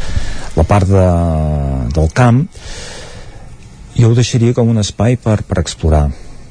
per conèixer, perquè la persona que realment té interès en anar una mica més enllà, en ser generatiu, uh -huh. que s'obri i que tingui aquesta mirada com les posicions perceptives, no? Vull dir que ens disassociem de nosaltres, però les posicions perceptives és això, eh? una visió associada des de la pròpia persona que ens dona la versió mental després hi ha la versió disassociada que és la visió de la persona que tenim al davant això ens enriqueix una mica la situació. Doncs tinguem aquesta doble mirada, la mirada per particular, com ens veuen els altres, però també hi afegim aquesta mirada d'observador, també disassociada. Això ens ajuda a desprendre'ns una mica de la nostra ment, eh? Dir... L'empatia, no? Una mica seria? Bueno, l'empatia és una forma nosaltres d'entendre els que tenim a davant. I la PNL, amb aquesta visió generativa, diu, fem un joc, no? Fem un joc. No miris com funciona l'altre, posa't en el lloc de l'altre què està veient l'altre mira't a tu mateix des dels ulls de l'altre uh -huh. i ara encara ves més enllà posa't en els ulls de l'observador que observa l'altre i t'observen a tu no? vull dir que tu estàs en una situació amb, amb un amic, amb un familiar, amb un company amb qui sigui que requereix un treball tu tens la teva versió molt clara et pots posar la pell de l'altre amb empatia, com dius tu, això és la segona posició, és simpàtic, però després hi ha aquesta mirada de l'observador, eh, que és què veus en les dues parts des de fora, de forma dissociada, i què què et porta això en el teu cos? Vull dir que aquí l'utilització de la ment somàtica, dir, aquesta mirada des de l'observador, què et diu el teu cos?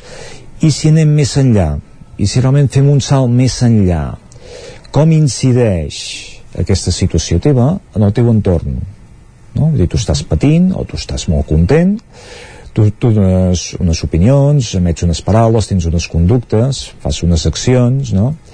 com afecten això la gent que tens davant però com afecten també el teu entorn és una cosa que beneficia, que ajuda no? Vull dir que tenir en compte aquest aquestes quatre mirades ens ajuden. Tenir en compte que amb aquestes quatre mirades interactuem una mica amb les tres ments que dèiem i saber-hi jugar ens ajuden a conèixer-nos, ens ajuden a, a introduir-nos una mica en una part mm, desconeguda, però si ho fem des de la perspectiva de, bueno, del, de l'interès, de l'inquietud, o vull saber, no? o vull, vull entendre, aquí podem descobrir que l'inconscient a vegades el llenguatge que utilitza és eh, molt subtil no? Vull dir que aquest saber escoltar el cos o aquest saber-se posar eh, en una quarta posició una mica ens permet que en un moment donat doncs, ens vingui un flash, ens vingui una imatge, ens vingui una sensació, ens vingui un color, ens vingui una paraula, és instantani, és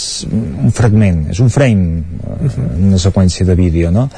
però esclar, si estem en silenci ho estem observant, allò per nosaltres eh, pot desencadenar amb un canvi a la nostra vida no? Vull dir, pot desencadenar amb, amb un revulsiu que dius, ostres, ara entenc aquella, aquell frame, aquella seqüència perquè no ha vingut d'una part mental ha vingut d'algun altre lloc i jo sí que existeix un altre lloc i estic obert amb això.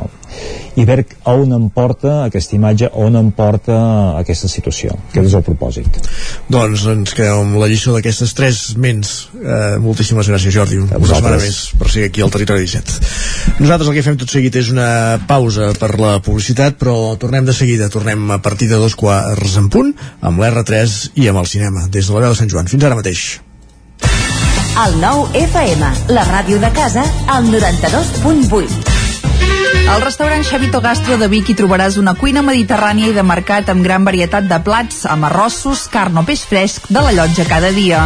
Vine a dinar de dimarts a divendres i prova el nostre menú diari per només 15 euros o a les nits de dijous a diumenge tastar el nostre menú degustació amb arrossos i tapes per 25 euros. Restaurant Xamito Gastro. Ens trobaràs al carrer Call Nou número 9 de Vic i al telèfon 93 094 1172 o al 747 42 90 92 58. Arriba la primavera i tornen les samarretes. A Gràfic Cert tenim una extensa varietat de samarretes per vestir el teu personal, promocionar la teva empresa, club esportiu, associació... Si estàs organitzant un esdeveniment esportiu o una festa cultural, una samarreta és una bona opció per lluir la teva marca.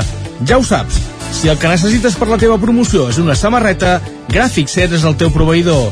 I ara també tenim a la teva disposició samarretes 100% reciclades tant de cotó com de polièster. No esperis més i truca'ns al 93 886 12 15 o visita'ns a graficser.com. A la Clínica Dental Sant Fortià hi trobareu un equip professional que treballa de manera coordinada per oferir un tracte sensible i humà. Estem preparats per qualsevol urgència dental i oferim accions preventives per la tercera edat i els infants. I aquest carnaval, vine disfressat i emporta't un regal. Clínica Dental Sant Fortià. Ens trobareu a la plaça Sant Fortià número 9 de Torelló al 93 859 6408 i al 690 92 51 99. Vols aprendre anglès i viure una experiència inoblidable? Estades per a joves a Irlanda, classes d'anglès i un munt d'activitats, allotjats en família o en residència i convivint sempre amb joves d'altres països. També classes per adults i programes per a tota la família. Tures Language and Travel, especialistes en Irlanda des de 1994. Més informació a tures.cat. El racó de León ja és primavera. Gaudeix de la nostra terrassa. Vine a tastar les xuletilles de lechal a la brasa amb una bona amanida o el xuletón de vedella gallega. No et pots perdre el nostre lechado de Castilla al forn o el cochinillo a l'estil de Segovia. Tot acompanyat del millor celler, al menjador o fora la terrassa. Descobreix la millor cuina de Lleó sense moure't de casa. Vine amb la família, els amics, la parella o sol. T'encantarà. El racó de León, cuina tradicional lleonesa i de mercat. Som al carrer Torelló número 35 de Vic. Per reserves, telèfon 93 889 1950. El racó de León, una cuina diferent. El nou FM, el nou FM, el nou FM, el nou FM, el nou FM. Territori 17. A Tren d'Alba. Cada dia els usuaris de la línia R3 de Rodalies que veuen sortir el sol des d'un vagó ens expliquen les gràcies i les penes del primer comboi que uneix Ripoll i Barcelona. Benvinguts a Tren d'Alba. Fa unes hores Rodalies explicava en una piulada a Twitter que més de 40.000 persones van utilitzar els serveis de Rodalies per gaudir del Carnaval de Sitges i Vilanova, ja que Renfe va reforçar el servei amb 35 circulacions especials en doble composició entre el dissabte 26 de febrer i aquest dimecres 2 de març. Això demostra que si es poden posar trens extras en dates assenyalades, també es poden posar en el dia a dia, no? Potser estaria bé augmentar la freqüència de trens en algunes estacions. Va, us deixo amb la crònica de la Glòria Francolí d'avui. Hola, molt bon dia. Aquí la Glòria des de l'oficina a Barcelona. El trajecte d'avui ha anat prou bé.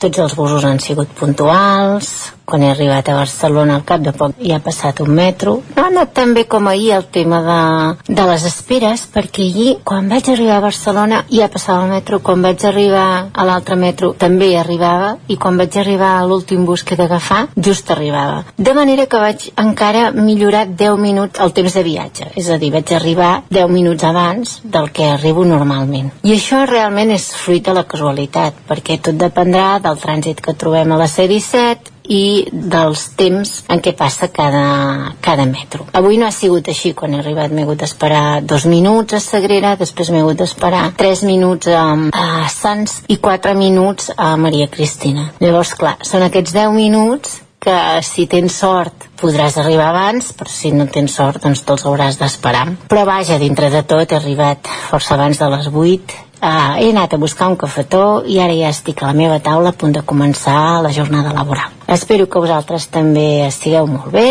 i ens anem parlant. Això d'agafar diversos metros per arribar al teu lloc de feina, encara que l'espera sigui curta i a vegades inexistent, ha de ser tan esgotador. Ho he experimentat per les vegades que he hagut de fer transport entre diverses parades i metros. Un estrès important en algunes ocasions. No em fa gaire gràcia haver-lo d'agafar, però és el que toca si vols moure't ràpid per la ciutat. Va, ens retrobem demà amb més històries del tren i de la R3. Territori, Territori 17. 17. Territori 17.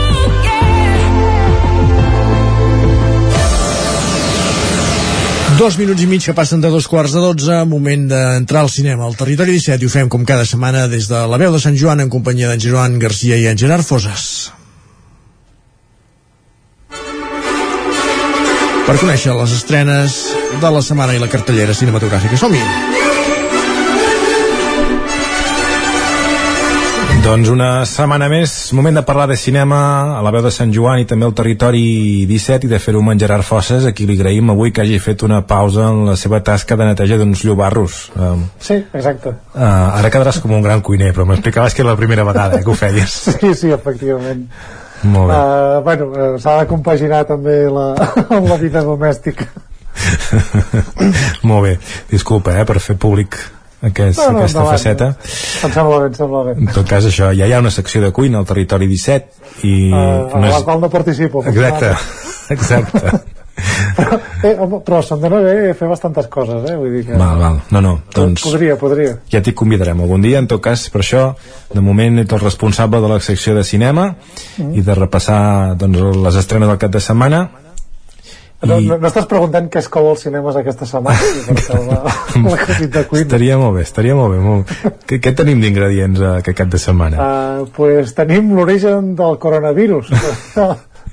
no, no, perquè la primera pel·lícula és sobre un home ratpenat, molt, mm. -hmm. molt conegut per tothom, um, amb una nova pel·lícula, d'una nova revisió del personatge, l'anèsima, que es titula The Batman.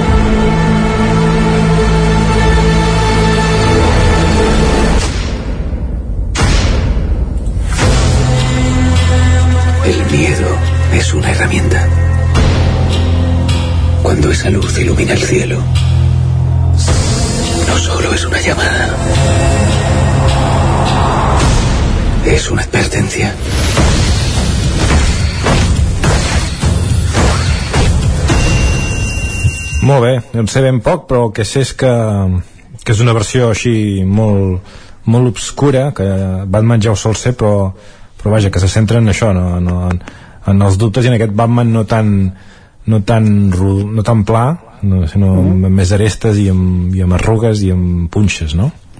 Sí, efectivament, és una mica... De fet, és recuperar els orígens del personatge. Recordem que Batman va néixer com un personatge de, de, de còmic eh, que realment era un detectiu en una ciutat corrupta. El que passa que es disfressava i tenia tots aquests gadgets i bé, actuava de vigilant.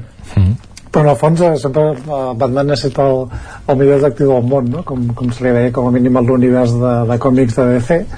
I aquí intentem recuperar això amb un Batman més jove també del que estem acostumats, en aquest cas interpretat per, per Robert Pattinson i és un enfocament completament diferent a, a les pel·lícules de, de superherois tal com estem habituats uh, segurament la, la gent que, que anem a veure la, o molts esperaran uh, una cosa semblant al Cavallero Oscuro de Christopher Nolan que tendria, sí que tendria més a ser una pel·lícula de superherois estàndard dintre d'un realisme, diguem com si fos un thriller de superherois aquí estem més en una pel·lícula de, de detectius que mm, que realment eh, aprofundeix molt el que és la, la corrupció de la societat no? una mica molt en la línia de la, de la pel·lícula que es va fer sobre, sobre el Joker no? el, Mm. multipremiada i molt elogiada Uh, però, uh, però bé, en, en aquest cas també amb un dolent que, que busca aquesta destrucció de, del sistema i amb un protagonista que és aquest Batman Bruce Wayne que està com un procés de decidir quin tipus de d'heroi, entre cometes, vol ser, no? Si vol ser una mena de, de dimoni o una mena d'àngel protector per la, per la ciutat de Gotham. Mhm. I diguem que en tots aquests elements doncs, fan que, clar, és una pel·lícula de, de 3 hores, bastant hipertrofiada, que dic, la gent que l'ha vist ja n'ha fet en general bastant bones crítiques, eh, però sí que es parla una mica d'un desequilibri dins la pel·lícula, sobretot per aquesta durada i perquè vol ser masses coses, Mm. eh, segurament però bé, jo personalment confio molt en Matt Reeves. De fet m'interessa més eh, com a nova pel·lícula de Matt Reeves que com a nova pel·lícula de, de Batman. Eh, però bé, eh, ja veurem quins són els resultats que dona. Eh, sí que s'especula que farà un gran taquillatge. De fet és l'estrena que, que ho acapara tot aquest cap de setmana. Mm. no sé, eh, potser sembla això que, que és una pel·lícula paral·lela a la del Joker. El Joker partia d'una persona que era bona i es tornava doncs eh, dolent no? Mhm. eh, o es troba amb, el, amb el personatge que, que coneixem i aquí també entenc pel que es veu no? que, que, que parteixes de sentiments molt dolents i entenc que en Batman al final suposo que acabarà eh, reconduint-se no? El, vull dir que, que al final tots els dos personatges potser acaben allà on, on els coneixem però, però sí. l'aproximació que hi fem serà, serà just la contrària de la que estem habituats Sí, sempre hi ha el tema aquest una mica de la recerca de, de la identitat, no? que és aquesta dicotomia que sempre hi ha entre Bruce Wayne i Batman, entre la llum i la foscor, amb aquesta tendència a la violència, en canvi el, el fet d'intentar protegir la gent, és una mica tot al, al voltant d'aquest de, debat i que al final que és una figura fosca i per això fa que sigui un superheroi tan, tan interessant. Mm. Amb el que no hi ha tant debat és, és amb el és amb, amb, amb l'actor, no? Perquè, no sé, és la primera que fa ell de Batman, no? Sí, és el seu debut com a Batman, va ser una decisió d'aquestes bastant controvertides, però com sí. ho ha estat sempre, realment, l'elecció d'un Batman cinematogràfic. Recordem que Michael Keaton uh, era un actor de comèdia que la gent tirava pestes, uh, perquè aquest, aquest tio havia de ser Batman, uh, Ben Affleck el mateix va ser un Batman la mar de digne, i de fet aquesta pel·lícula havia de protagonitzar i dirigir ell, ser que va anar canviant tot això l'univers de, de Warner Bros sobretot i de DC mm. al final va acabar les mans de Matt Reeves jo crec que afortunadament perquè és un, un senyor director.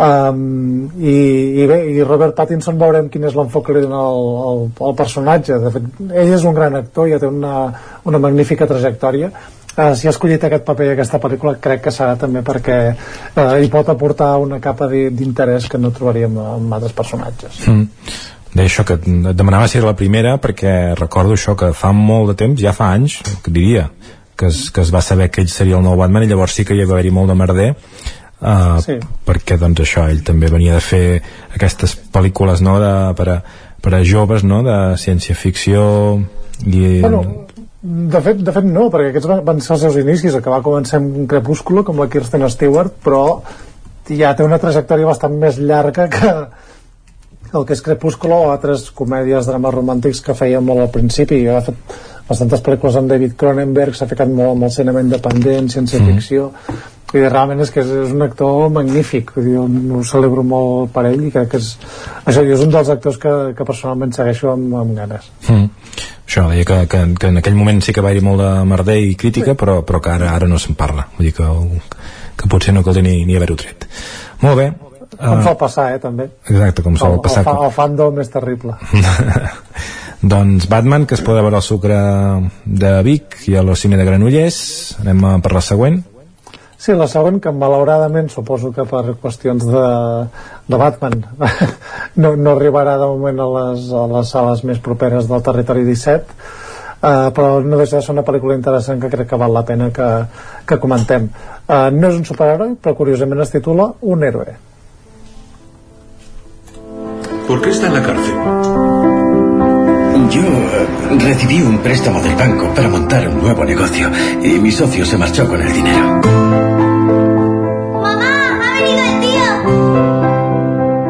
¿Te has adelgazado bastante? Siempre me dices eso. Nunca pensé que te echaría tanto de menos, Rahim. Yo también te he añorado mucho. Dígame, Verá usted, me preguntaba si ha venido alguien buscando un bolso perdido. No, ¿por qué? He encontrado oro dentro. Caram. Qui pogués. sí, qui se'l trobés, eh?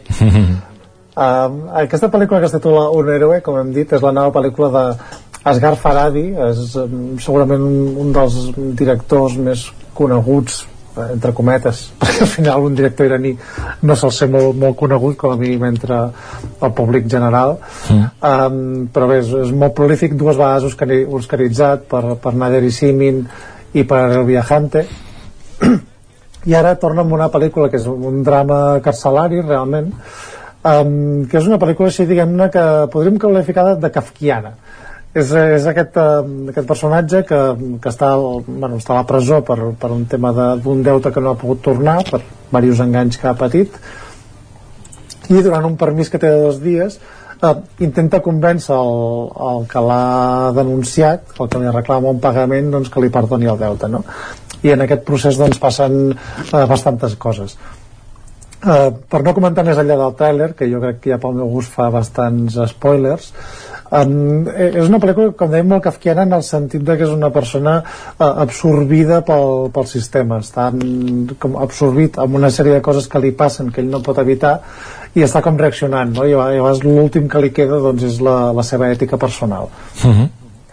Uh, no és la millor pel·lícula de, de Faradi, uh, però sí que sempre és interessant, sobretot per, per aquesta construcció que fa de, de personatges molt purs eh, com a mínim en, en la seva escala de valors doncs, amb, amb uns conflictes molt, molt més grans no? el que és molt fàcil eh, identificar-se i en el fet de convertir el que és la, la vida quotidiana en, en una intriga que sempre funciona perquè enganxa, enganxa molt quan veus una pel·lícula seva i sempre vols saber tot, no? com, com va continuant eh, i per això que és una pel·lícula molt, molt a reivindicar que malauradament no, no podrem veure a prop, com he dit eh, també és veritat que la durada d'aquesta no hi ajuda, dues hores i deu doncs, estem seguint amb el símptoma de, de les pel·lícules llargues eh, però tot i així una pel·lícula que val la pena tenir en compte per si arriba a les properes setmanes quan comença a desaparèixer aquests grans títols de la cartellera. Molt bé, perfecte. I avui hi ha una mica de tot. Uh, ara ens anem a l'aigua. Sí, ens anem a l'aigua amb una pel·lícula que dic, ja que l'única estrena que tenim propera um, que s'estrena en sales realment amb una estrena potent és la de Batman doncs dic, mira, apostarem per una estrena de Netflix uh, que és una seqüela d'una pel·lícula d'aventures que ve de, de Corea del Sud uh, que es titula Pirates i en aquest cas estem parlant de Pirates, el último tesoro de la corona 가자! 저 까불지 말고 내려와! 덕장 끄고!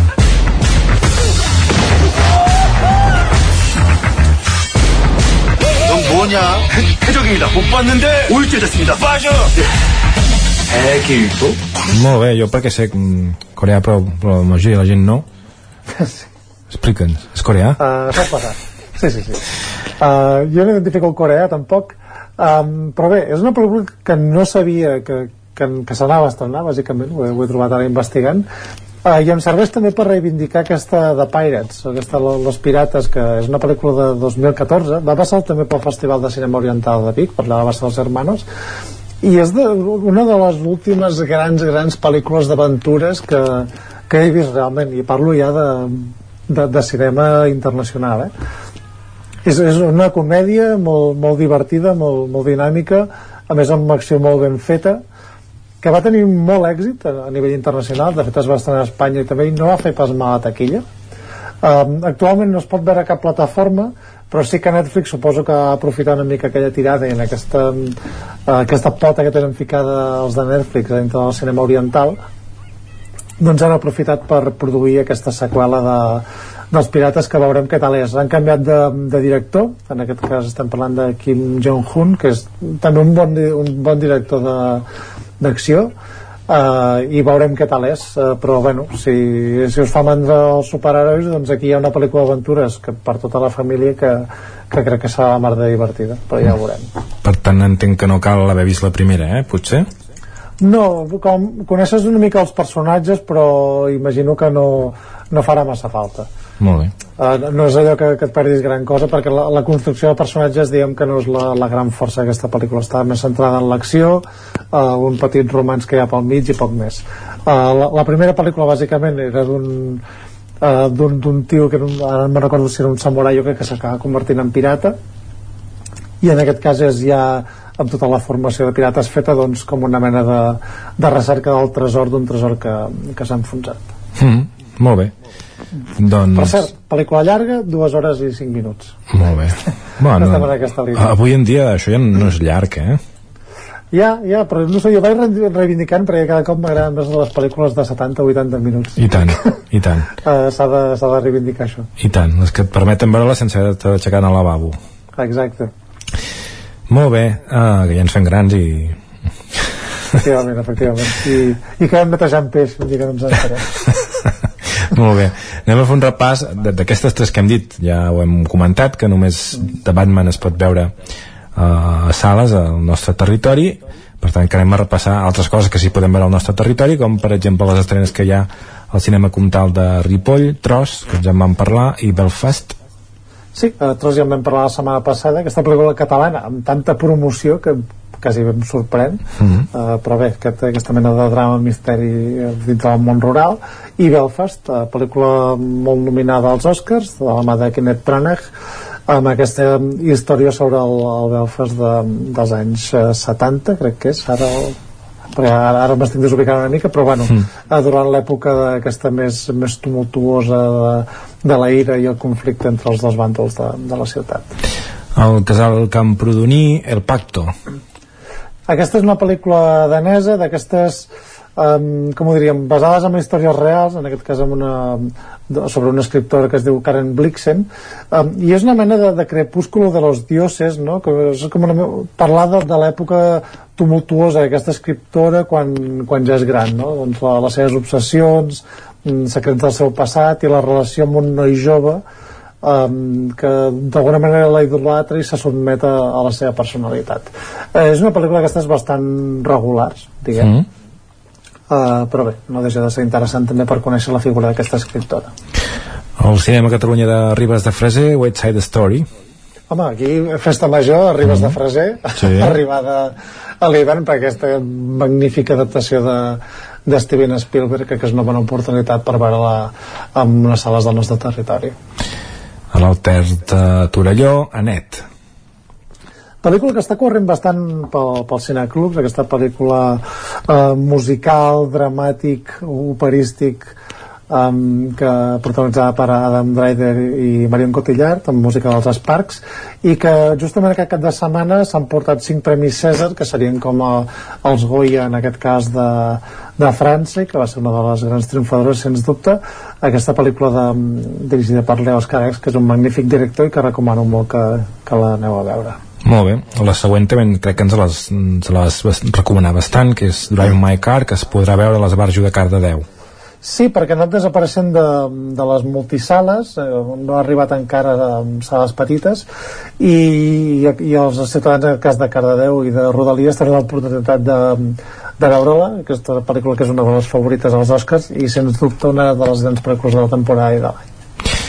i ja per acabar el Cineclub de Vic Petit Mamon Sí, ens hem anticipant perquè anem de, com, a una setmana que ve recordem que el Cineclub és dimarts mm. uh, però sí, podrem veure Petit Maman que és d'aquestes petites joies um, del cinema europeu uh, dirigida per Serena Schiama molt, que va tenir molt predicament amb retrato d'una mujer en llama sobretot i fa aquesta pel·lícula on, on una, una nena és com una mena de, de viatge fantasiós on una nena aconsegueix fer-se amiga de, de la seva pròpia mare però quan la seva mare tenia la seva edat no? és com la seva manera de passar per un procés de dol en aquest cas per la mort de la seva àvia és una pel·lícula preciosa, realment, és, és una delícia veure-la, i amb el valor afegit que dura 75 minuts. mm -hmm. Doncs aquestes d'aquestes que, d'aquestes que ens agraden Aquestes les que recomanem especialment.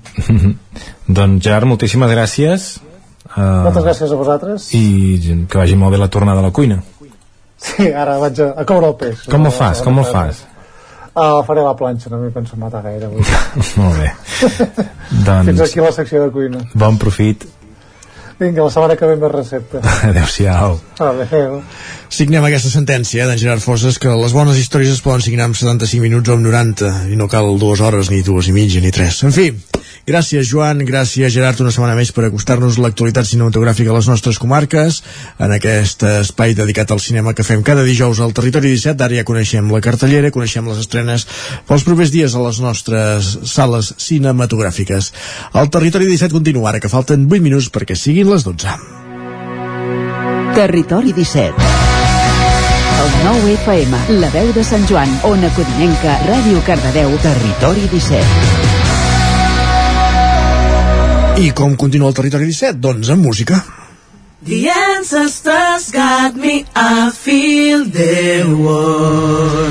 Doncs sí, aquestes tres veus són les de les Seis Sisters que aquest cap de setmana actuen dins el cicle dels teatrets d'Osona, en aquest cas a la sala La Canal de Tona i de fet la setmana que ve ho faran també a, a la Catòlica de Sant Hipòlit de Voltregà. Les Seis Sisters que presenten We Got Your Back en un mes de programacions molt femenines, tenint en compte que el proper 8 de març, la setmana vinent, és el Dia Internacional de la Dona i, com dèiem, aquest divendres, concert a la sala La Canal de Tona a partir de les 8 del vespre amb aquestes tres germanes de Centelles i els Hostalets de Balanyà eh, presentant aquest treball We Got Your Back.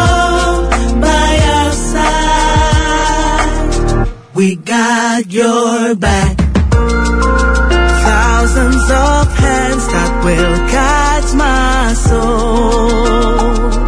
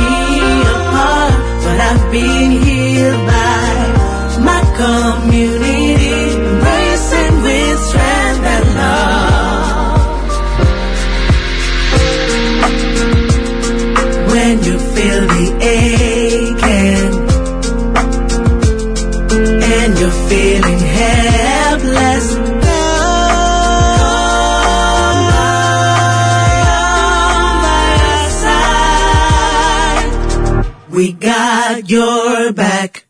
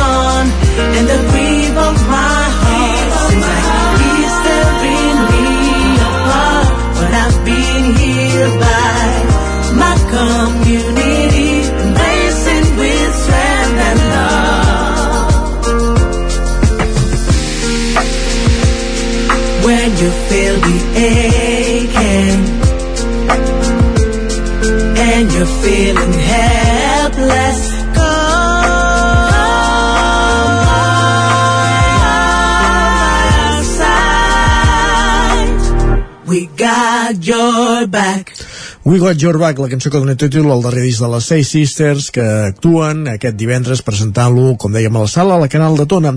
I un altre dels concerts del cap de setmana a la comarca d'Osona és el de Joan Dausà. Presenta el seu darrer treball discogràfic, també ho tenim tot dissabte, a l'Atlàntida de Vic, un treball discogràfic que conté cançons com aquesta amb la qual arribarem al final del programa d'avui, Nunca es tarde. No es normal que poco antes de despegar no dude ni un segundo en llamarte para contarte que voy a estar unos días en tu ciudad y olvide por un segundo que hace 20 años que no estamos juntos y me da igual ahogarme una vez más. Sería genial que me contaras cómo te va. Y ojalá al cabo de un rato se te escape de los labios que alejarnos fue un error. Nunca es tarde, amor.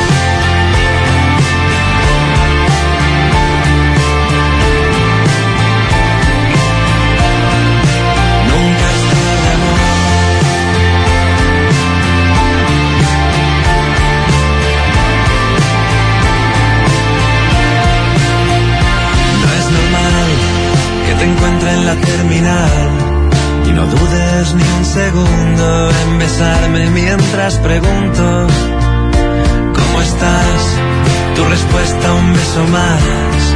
Y olvido por un segundo que decidimos ya no estar juntos y me da igual ahogarme una vez más.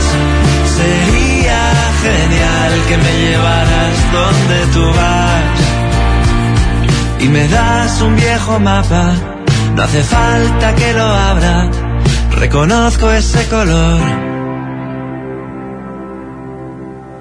Nunca es tarde, amor.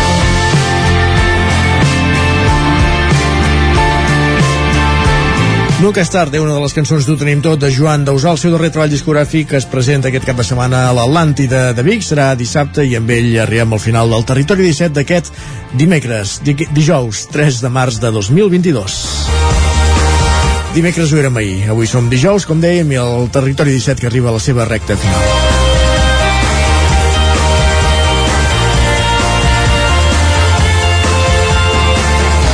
Us hem acompanyat des de les 9 del matí Pepa Costa, Guillem Sánchez, Guillem Freixa, Isaac Muntades, Maria López, Òscar Muñoz, Caral Campàs, Núria Lázaro, Jordi Soler, Gerard Fosa, Joan Garcia, Jordi Sunyer i Isaac Moreno.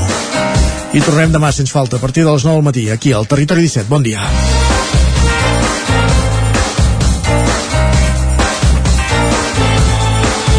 Territori 17, un magazín del nou FM. La veu de Sant Joan, Ona Codinenca i Ràdio Cardedeu amb el suport de la xarxa. El nou FM.